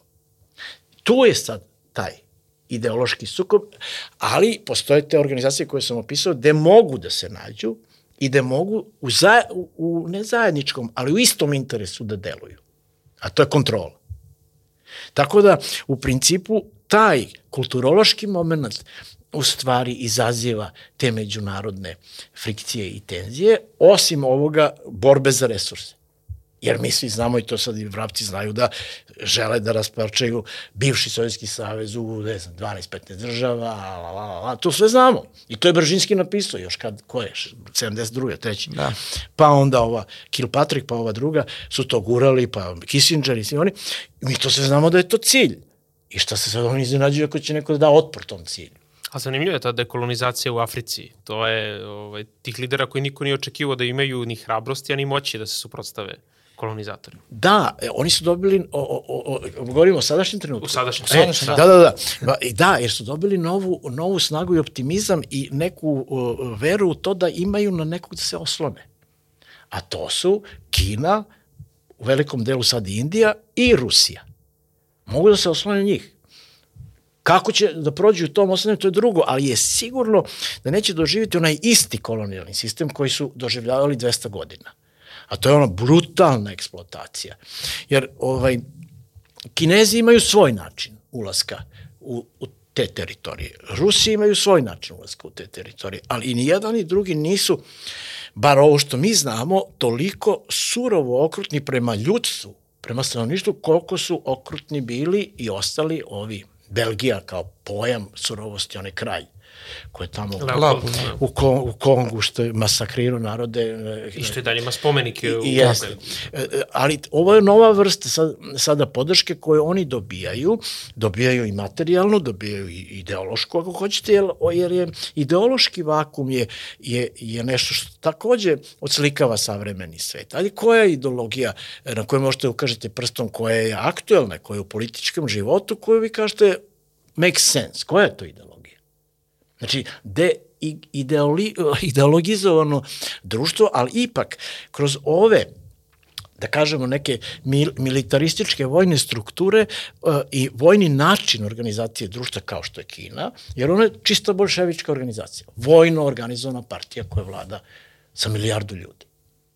A ovo je jedna, da kažemo, imperijalna organizacija kod gospodina Putina sa ogromnom vojskom, sa ogromnim tim mašinama koje deluju na drugi način od ovih. Gde ta humana nota, gde ovaj čita, ja vidu Moskvi čovek radnik, jer ima pauzu, ide metrom, što? On čita Jesenjina. Evo, vamo možete da vidite da čita neki porno časopis, što nije loše, ali to vam je usmerenje taj koji je čitao vojnik Jesenjina, on će vam u Africi nekom detetu da ispriča nešto o Jesenjinu. Inače, malo će ga humanizuje na jedan drugi način. Tako da tu ima tih nekih kulturoloških e, nijansi koje su vrlo, vrlo, e, vrlo, vrlo e, zanimljive za posmatranje i zašto se oni odlučuju da krenu akcije protiv kolonizatora, zato što se os, su osnaženi, zato što se osjećaju osnaženi. Mladi pukovnici uvek prave te, te prevrate, je tako? I to je, to je ta cela situacija. Tako da, um, ovo što se desilo u Nigeru, šamar za Francusku, naravno, ali otržnjenje za sve druge države koje su pod tim e, neokolonijalnim i kolonijalnim e, prostor ropstvom, tako? Da. Tako je. Čak i ovaj Ibrahim Traore kao neki novi Tomas Sankara, kao Che Guevara, kao on da. je ovaj iz uh, Burkina Faso. Nego, šta sam htio da vas pitam, profesore, ovaj, pomenuli ste Eisenhowera, nekako smo se mak... Meni, je, uh, meni se čini da, i da li se vama čini da danas uh, u Americi suštinski nema onih tipova kao što je, na primjer, bio Henry Wallace, koji je bio Rooseveltov, ovaj, trebalo je da bude podpredsednik, pa je imao je 65% podrške, pa je onda na demokratskoj konvenciji 44. izabran Truman sa 3% podrške. Ali to sad nije bitno, najbitnije je to da je Henry Wallace čovek koji dok je bio na funkciji, dakle, sekretara za trgovinu tamo 43. rekao vek koji dolazi nije vek američki, kao što kaže Harry Lewis Magnat, nego vek običnog čoveka i mi to baštinimo na temeljima američke, francuske, oktobarske revolucije i mi moramo da nađemo održiv neki prostor sa Sovjetskim savezom.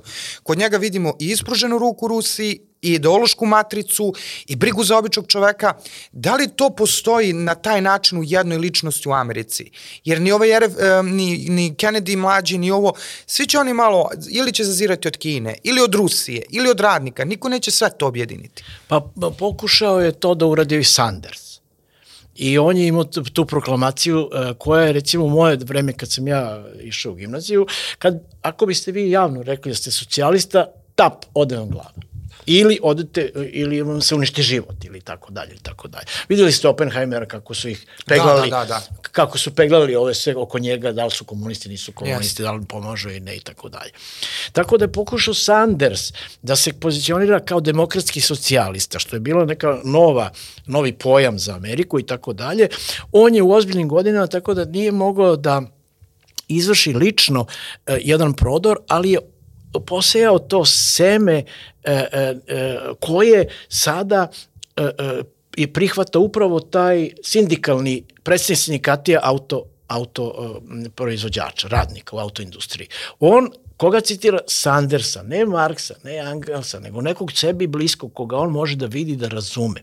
Sanders je tu klicu ovaj, posejao, ali znate kako, malo pre sam rekao, sistemi eh, možda je za njega malo previše teško reći, korupcije u Americi današnjoj su izuzetno moćni zato što raspolože sa izuzetno velikim sredstvima koje su najvećim delom došla na izvolte od državne pomoći.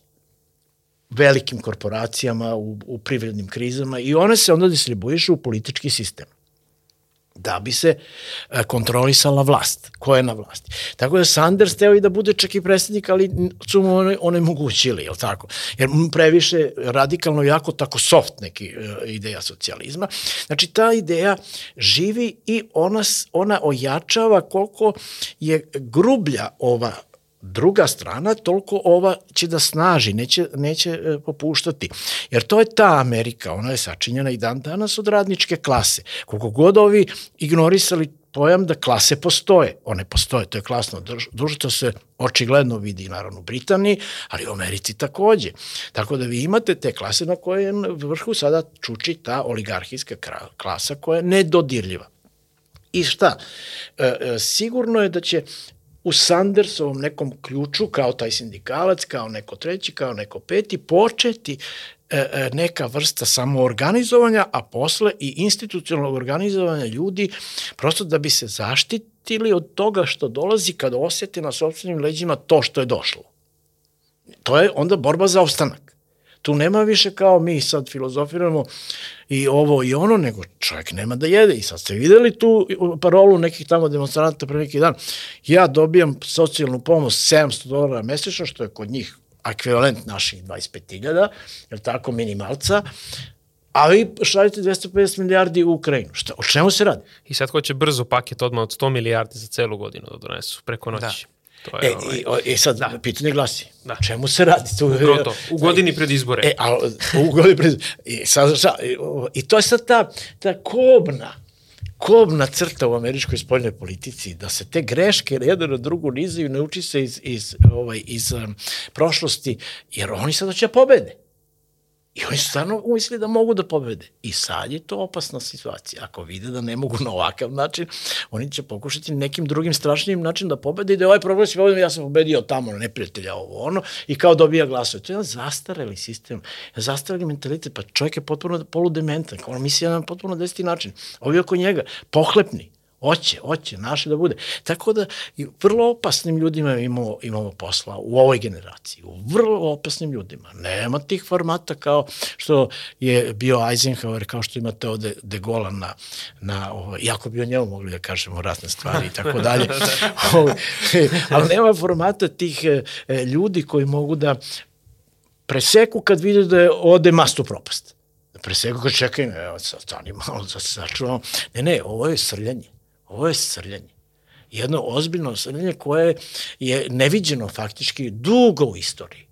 Jer imate, kažem, tu jednu klasu koja to želi, podržava, materijalno, finansijski. I samo ovo još da kažem. Znači, u prvi put u istoriji Amerike desilo se da se formiraju ogromne, ogromne korporacije koje su potpuno samostalne od države. U bilo kom smislu. To su ove high-tech korporacije priče o tome da je ovo izašao iz garaže pa napravio Microsoft, ali napravio ga je van države. S tim što, znači, američka vojska je u svemu imala svoju uh, priču. Suda je finansirala DARPA, čove, je finansirala te, znači, i dan danas, ovaj isti čovjek koga smo pomenuli na samom početku, iselio u Kanadu kad je shvatio da sva njegova istraživanja finansira uh, Ministarstvo odbrane Amerike. On se uplašio.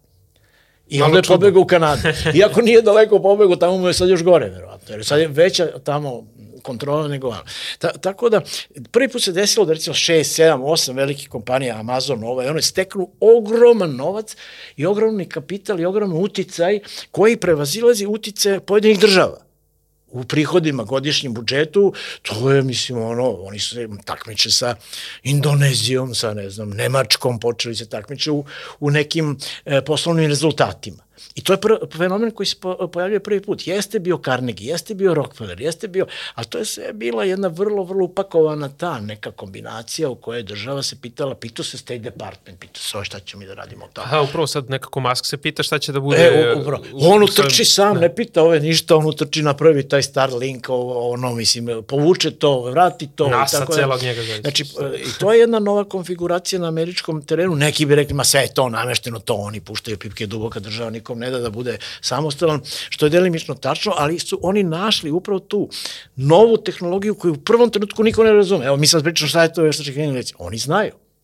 s njihove tačke gledajte šta je. Oni prave, da. I kako će da je naprave. U kom pravcu i kako za eksploataciju da bude naj... Tako su napravili telefoniju, tako su napravili internet, tako su napravili sve ove uh, te stvari koje su ih obogatile enormno putem novih tehnologija. I to države nisu pratili, uključujući i naš. Evo, naši zakoni o novim tehnologijama su mrak. Pa uvek dođe tehnologija, pa onda e, društveni opet. A, a evo novi zakon o medijima. Mislim, da. Treba da se donese u, u vladi sutra, preko sutra, kada ne, ne znam. Ovaj, to kad pogledate, opet čudite se. Tako da u principu tehno, tehnološki ti ovaj, e, potezi i uspesi nekako uvek prednjače, a država država to pokušava nekako da prati i sad su u fazi kad oni po svaku cenu, kao ti politički sistemi, hoće da stave internet pod kontrolu i cenzuru. I Amerikanci donose zakon za zakonom koji kaže cenzura. Ne, ne ono, ne, ništa se to ne uvija kao to je demokratski nešto, mi štitimo nešto.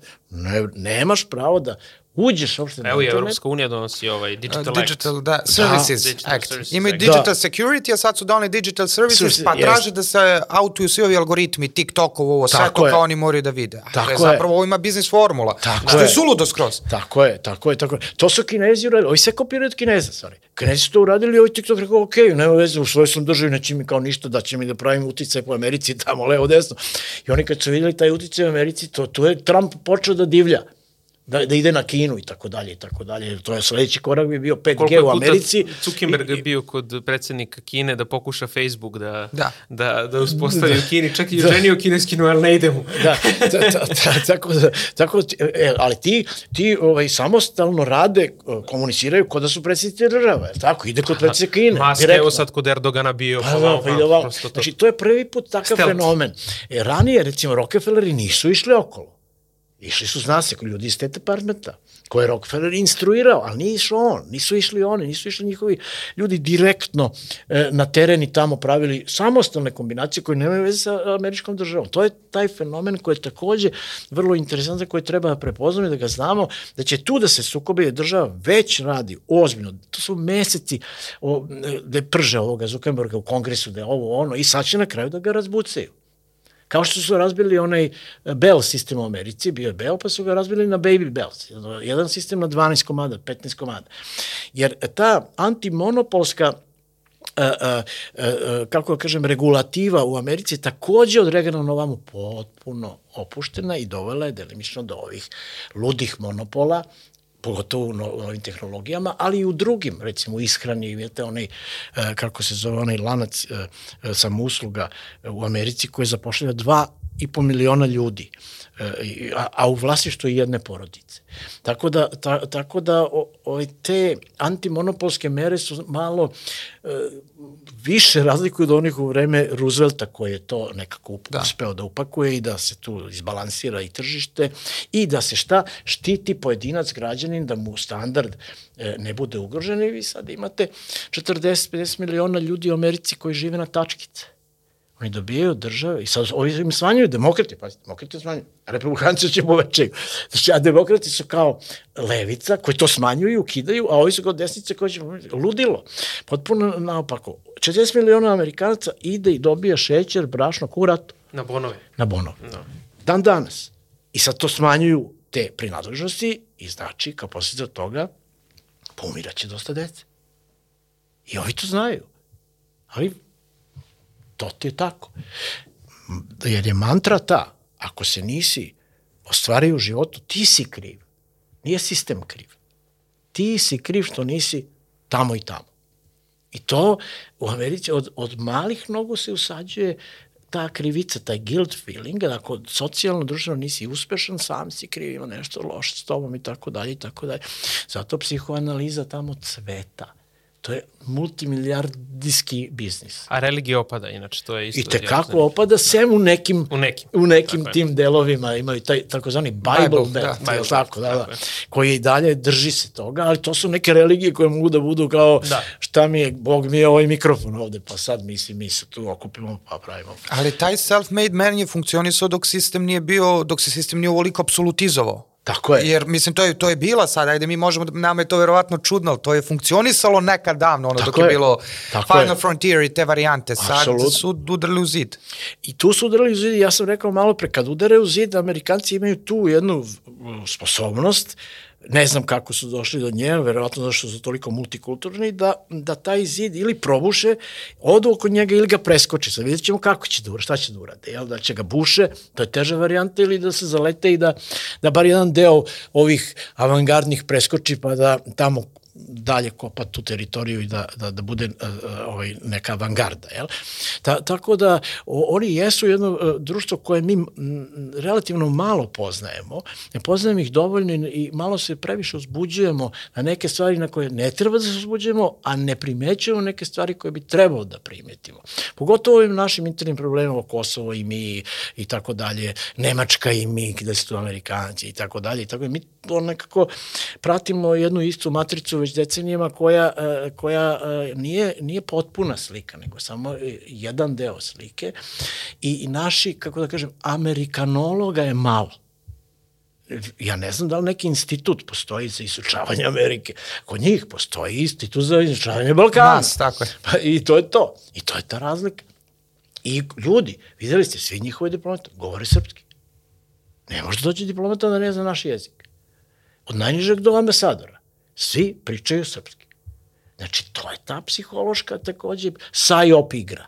To rade svi kanadjani, francuzi ne, boli ih, oni kao pričaju francuski. A zato dođe e, Nigerija. Da, to, dođe, to je ta razlika. Znači oni na svim frontovima to imaju te neke, e, da kažem, insti, institucijski smišljene fore koje i funkcionišu. Naravno, kad se američki ambasador obrati ljudima na srpskom, da ljudi kažu, vidi, oni uči naš jezik, pa to je neka stvar.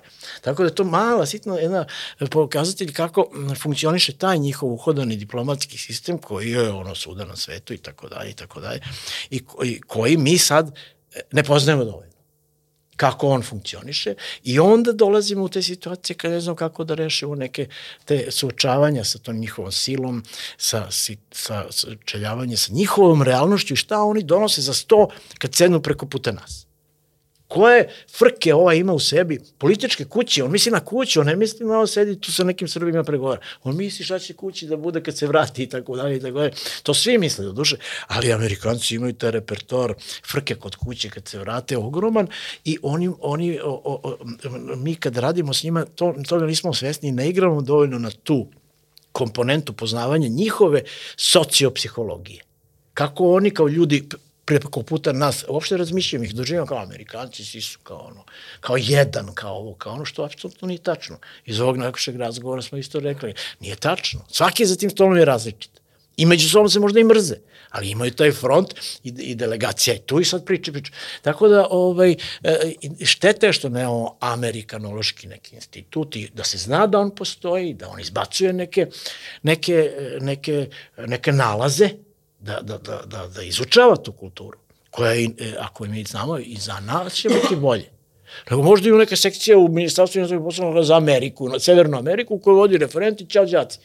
Ali ko, ko izučava na naučnoj osnovi ozbiljno današnju Ameriku i sve ovo čemu mi pričamo, što ima da se prati, da se usaglašava i da se razume do sudnjeg dana. Je tako? I to bi trebalo. Neki ljudi sede u nekoj ozbiljnoj instituciji da to rade i da pomažu.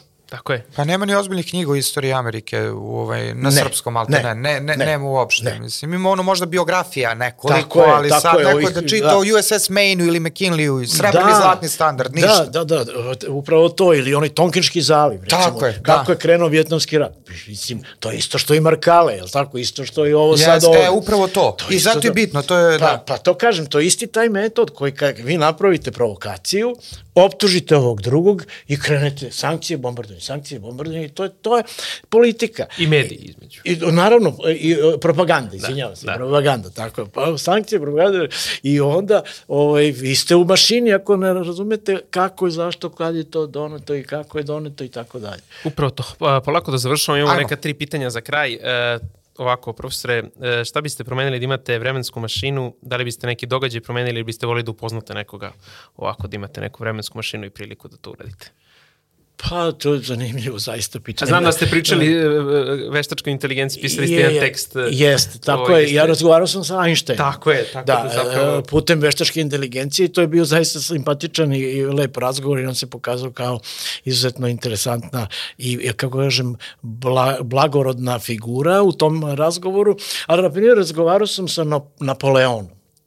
Isto e, e, Napoleon se pokazao u tom razgovoru kao ono što jeste, izuzetno drčan, ambiciozan, ali vrlo, vrlo direktan čovjek. Znači, zapravo da, nama je omogućeno sad da pričamo i sa putem veštačke inteligencije i sa ta... da. da. E sad, ja sam razgovarao i sa Castrom i to je bilo ono, druže Castro, kako je ovo, ono, i tako dalje. On je već bio prava, ono, komunistička, ovaj, ilegala, zakon nije teo da kaže mnoge stvari, a mnoge stvari je i rekao i tako dalje, tako dalje. Ali negdje na pola razgovora on počeo mene zove druže, vidim ja ti dosta znaš da o da zovem socijalizmu. Ne. Jer on ne zna šta je ko je ovaj s druge strane. Da, da, otkriva da. za vreme raz, komunikacije, on otkriva. I onda koriguje. Ovaj, recimo, razgovarao sam sa Salvadorom Dalijem. I na prvo moje pitanje, o njegov odgovor je bio kao ono vickas u smislu koliko glupo pitanje. A ja mu kažem, pa zar nije glupo kad neko stavi mrtvu kokošku na glavu i dođe na otvaranje izložbe? Odmah je promenio ton. znači, chat GPT, stvarno, Odmah je promenio ton i počeo ozbiljno da priča za mnom, mislim, ono kao što, o čemu, mislim, ja sam njega da, samo ti, pitao. Time ste stekli reputaciju. E, čekajte, je provalio da li da znate mnogo o socijalizmu? To bi bilo, to je možda problem bio. to bi bilo, ali sam raz, razgovarao sam sa Albertom Kamijem, koji je meni interesantna jedna figura, vrlo uh, jedan pravi ovako uh, uh, kako je primer tog miksa kulture alžirske i francuske i veliki intelektualac i tako dalje, on je bio jako, da kaže, a novinar naš, naš kolega i tako dalje. On je bio pravi primer tog jednog francuskog, ono kao elegantnog mimoilaženja teme, je tako? To, to, to je lekcija iz izbjegavanja teme. A on je tema kako god, mislim, šta god da ćete da ne idem u to. Tako da... O, malo dakle, sam... mogu želje da nam se ostvare, faktički. Da. Ti razgovori mogu da, da se ostvare. Naravno, imate u vidu da je to generisano iz milijardu informacija i onda veštačka inteligencija na vaš odgovor iz tih informacija koje pokupio Napoleonu napravi adekvatan adekvatan odgovor. Tako da, Stalin, na primjer, on je bio ono sve najžešća fora, sve ću da ih pobijem. I tebe ću da pobijem. Samo se još jednom javi da me pitaš ovo, ubiću te. Sjajno. Dobro, dobili smo odgovor. Uh, da. Um, drugo pitanje od ova naša tri blic na kraju, šta biste volili, koji sadržaj na YouTube-u, na YouTube trendingu da vidite da je negde pri vrhu na srpskom YouTube trendingu, a kao indikator nekih dobrih promena u društvu? Pa to je dobro pitanje. Ja bih voleo da vidim jedan, jedan trending tog povratka uh, prirodi i, uh, i uh, to što Amerikanci zovu self-reliance i ovo self-made man. Ja bih voleo bi veći, ve, veći trend toga da vidim na internetu, zato što je moje uverenje da Srbija opstaje isključivo zahvaljujući malom i srednjem privrednom preduzeću. Jer vi kao na internet tražite bilo šta, vi to nađete. Ko to radi? Neki privatnik. Ne država, ne ovo veliko. Ja bih volio da taj trend se malo više otvori, da nove generacije vide da je tu njihova šansa. Tu je njihova šansa da, da se nalaze i da prave e, e, ta e, e, preduzeća za koje mogu da garantuju da će se uložiti u njih i da onda šta otvoreno grebu se od države za pare, za investicije. Zašto bi se stalno stranci trebali za investicije? Treba naši, mladi ljudi da dobijaju investicijonu lovu od države. I država će da ide, nema dileme. Jer su oni na svojoj zemlji interesi da tu budu i tu budu bogati, uticeni i, i, i prosperitetni. A ne negde, ne znam, na Australiji, negde u nekoj tundri. I to je to. To kad bi malo taj talas zapuhnuo uh, YouTube, neki mladi ljudi koji su to već i uradili, ja vidim, ja, ja živim u Belegišu, ne u Beogradu više. Ja vidim mlade ljude tamo, samo dolaze sa porodicama i kupuju te stare ove neke, neka imanja i pretvaraju ih u nešto novo. Što ja vidim kao izuzetno pozitivan trend ovde i to nas spašava, verujte. Ta vrsta e, e, samoodrživosti i želje za opstankom, tako da, tako da to, to je za mene nešto što bi bilo jako dobro da zapahne talas te neke moguće samoodrživosti u ovom haosu koji nas okružuje i mogućeg mesta u ovom anarhičnom društvu koje čovek može da nađe, što pretpostavlja naravno rizik, ali pretpostavlja i veliku radost u stvaranju i u imanju. To, to je ta fora. I, I ja mislim da toga moglo više da bude. Naravno, ovi ljudi što rade ne mogu da stignu da se nakače na YouTube, ili tako, da, da kažu neke svoje priče i tako dalje. Ali kad bi neko pošao i tako pohvatao te neke mlade ljude koji su zaista kvalitetni i bacio ih na YouTube, slika o Srbije bi nekome bila prilično drugačija. Eto, to je odgovor. Da. I poslednje pitanje Hvala. ima vezano i za ovaj vaš odgovor. Šta biste poneli tri stvari na pusto ostrovu, toj samodrživosti onda? Koje tri stvari biste smatrali esencijalnim? To su ona pitanja iz osnovne škole, da, ono kao da, je tako, šta ali su te tri... su važne. da, pa, sad ću malo da budem radikalan, ali ovaj, ajde neka, ja sam stari hipik. E, seme kvalitetne marihuane. To je jedan. Mm, seme kvalitetne biljke koja proizvodi hranu, bilo koja, samo da može da, da održi, da mogu, mogu to da uzgajam i svakako e, nešto što je aparat koji bi mi pomogao da imam e, tekuću vodu. Sjajno. To su tri stvari. Jer to je na, na pustom ostrovu najveća frka. Tako. Tako. Hrana, zabava i Vod, piće. Vod, tako. Da. tako, to su te tri stvari. Ne, hvala vam puno, profesore. Ne, ono čemu, hvala, hvala na pozivu. Hvala i vama, dragi slušalci. Možete nas pratiti da podsjetimo na plat, audio platformama Deezer i Spotify. Gledajte nas i sledeće nedelje. Naš gost u emisiji bio je Stanko Crnobanja, profesor na Fakultetu za medije i komunikacije. Mi se vidimo u sledećoj epizodi. Ćao!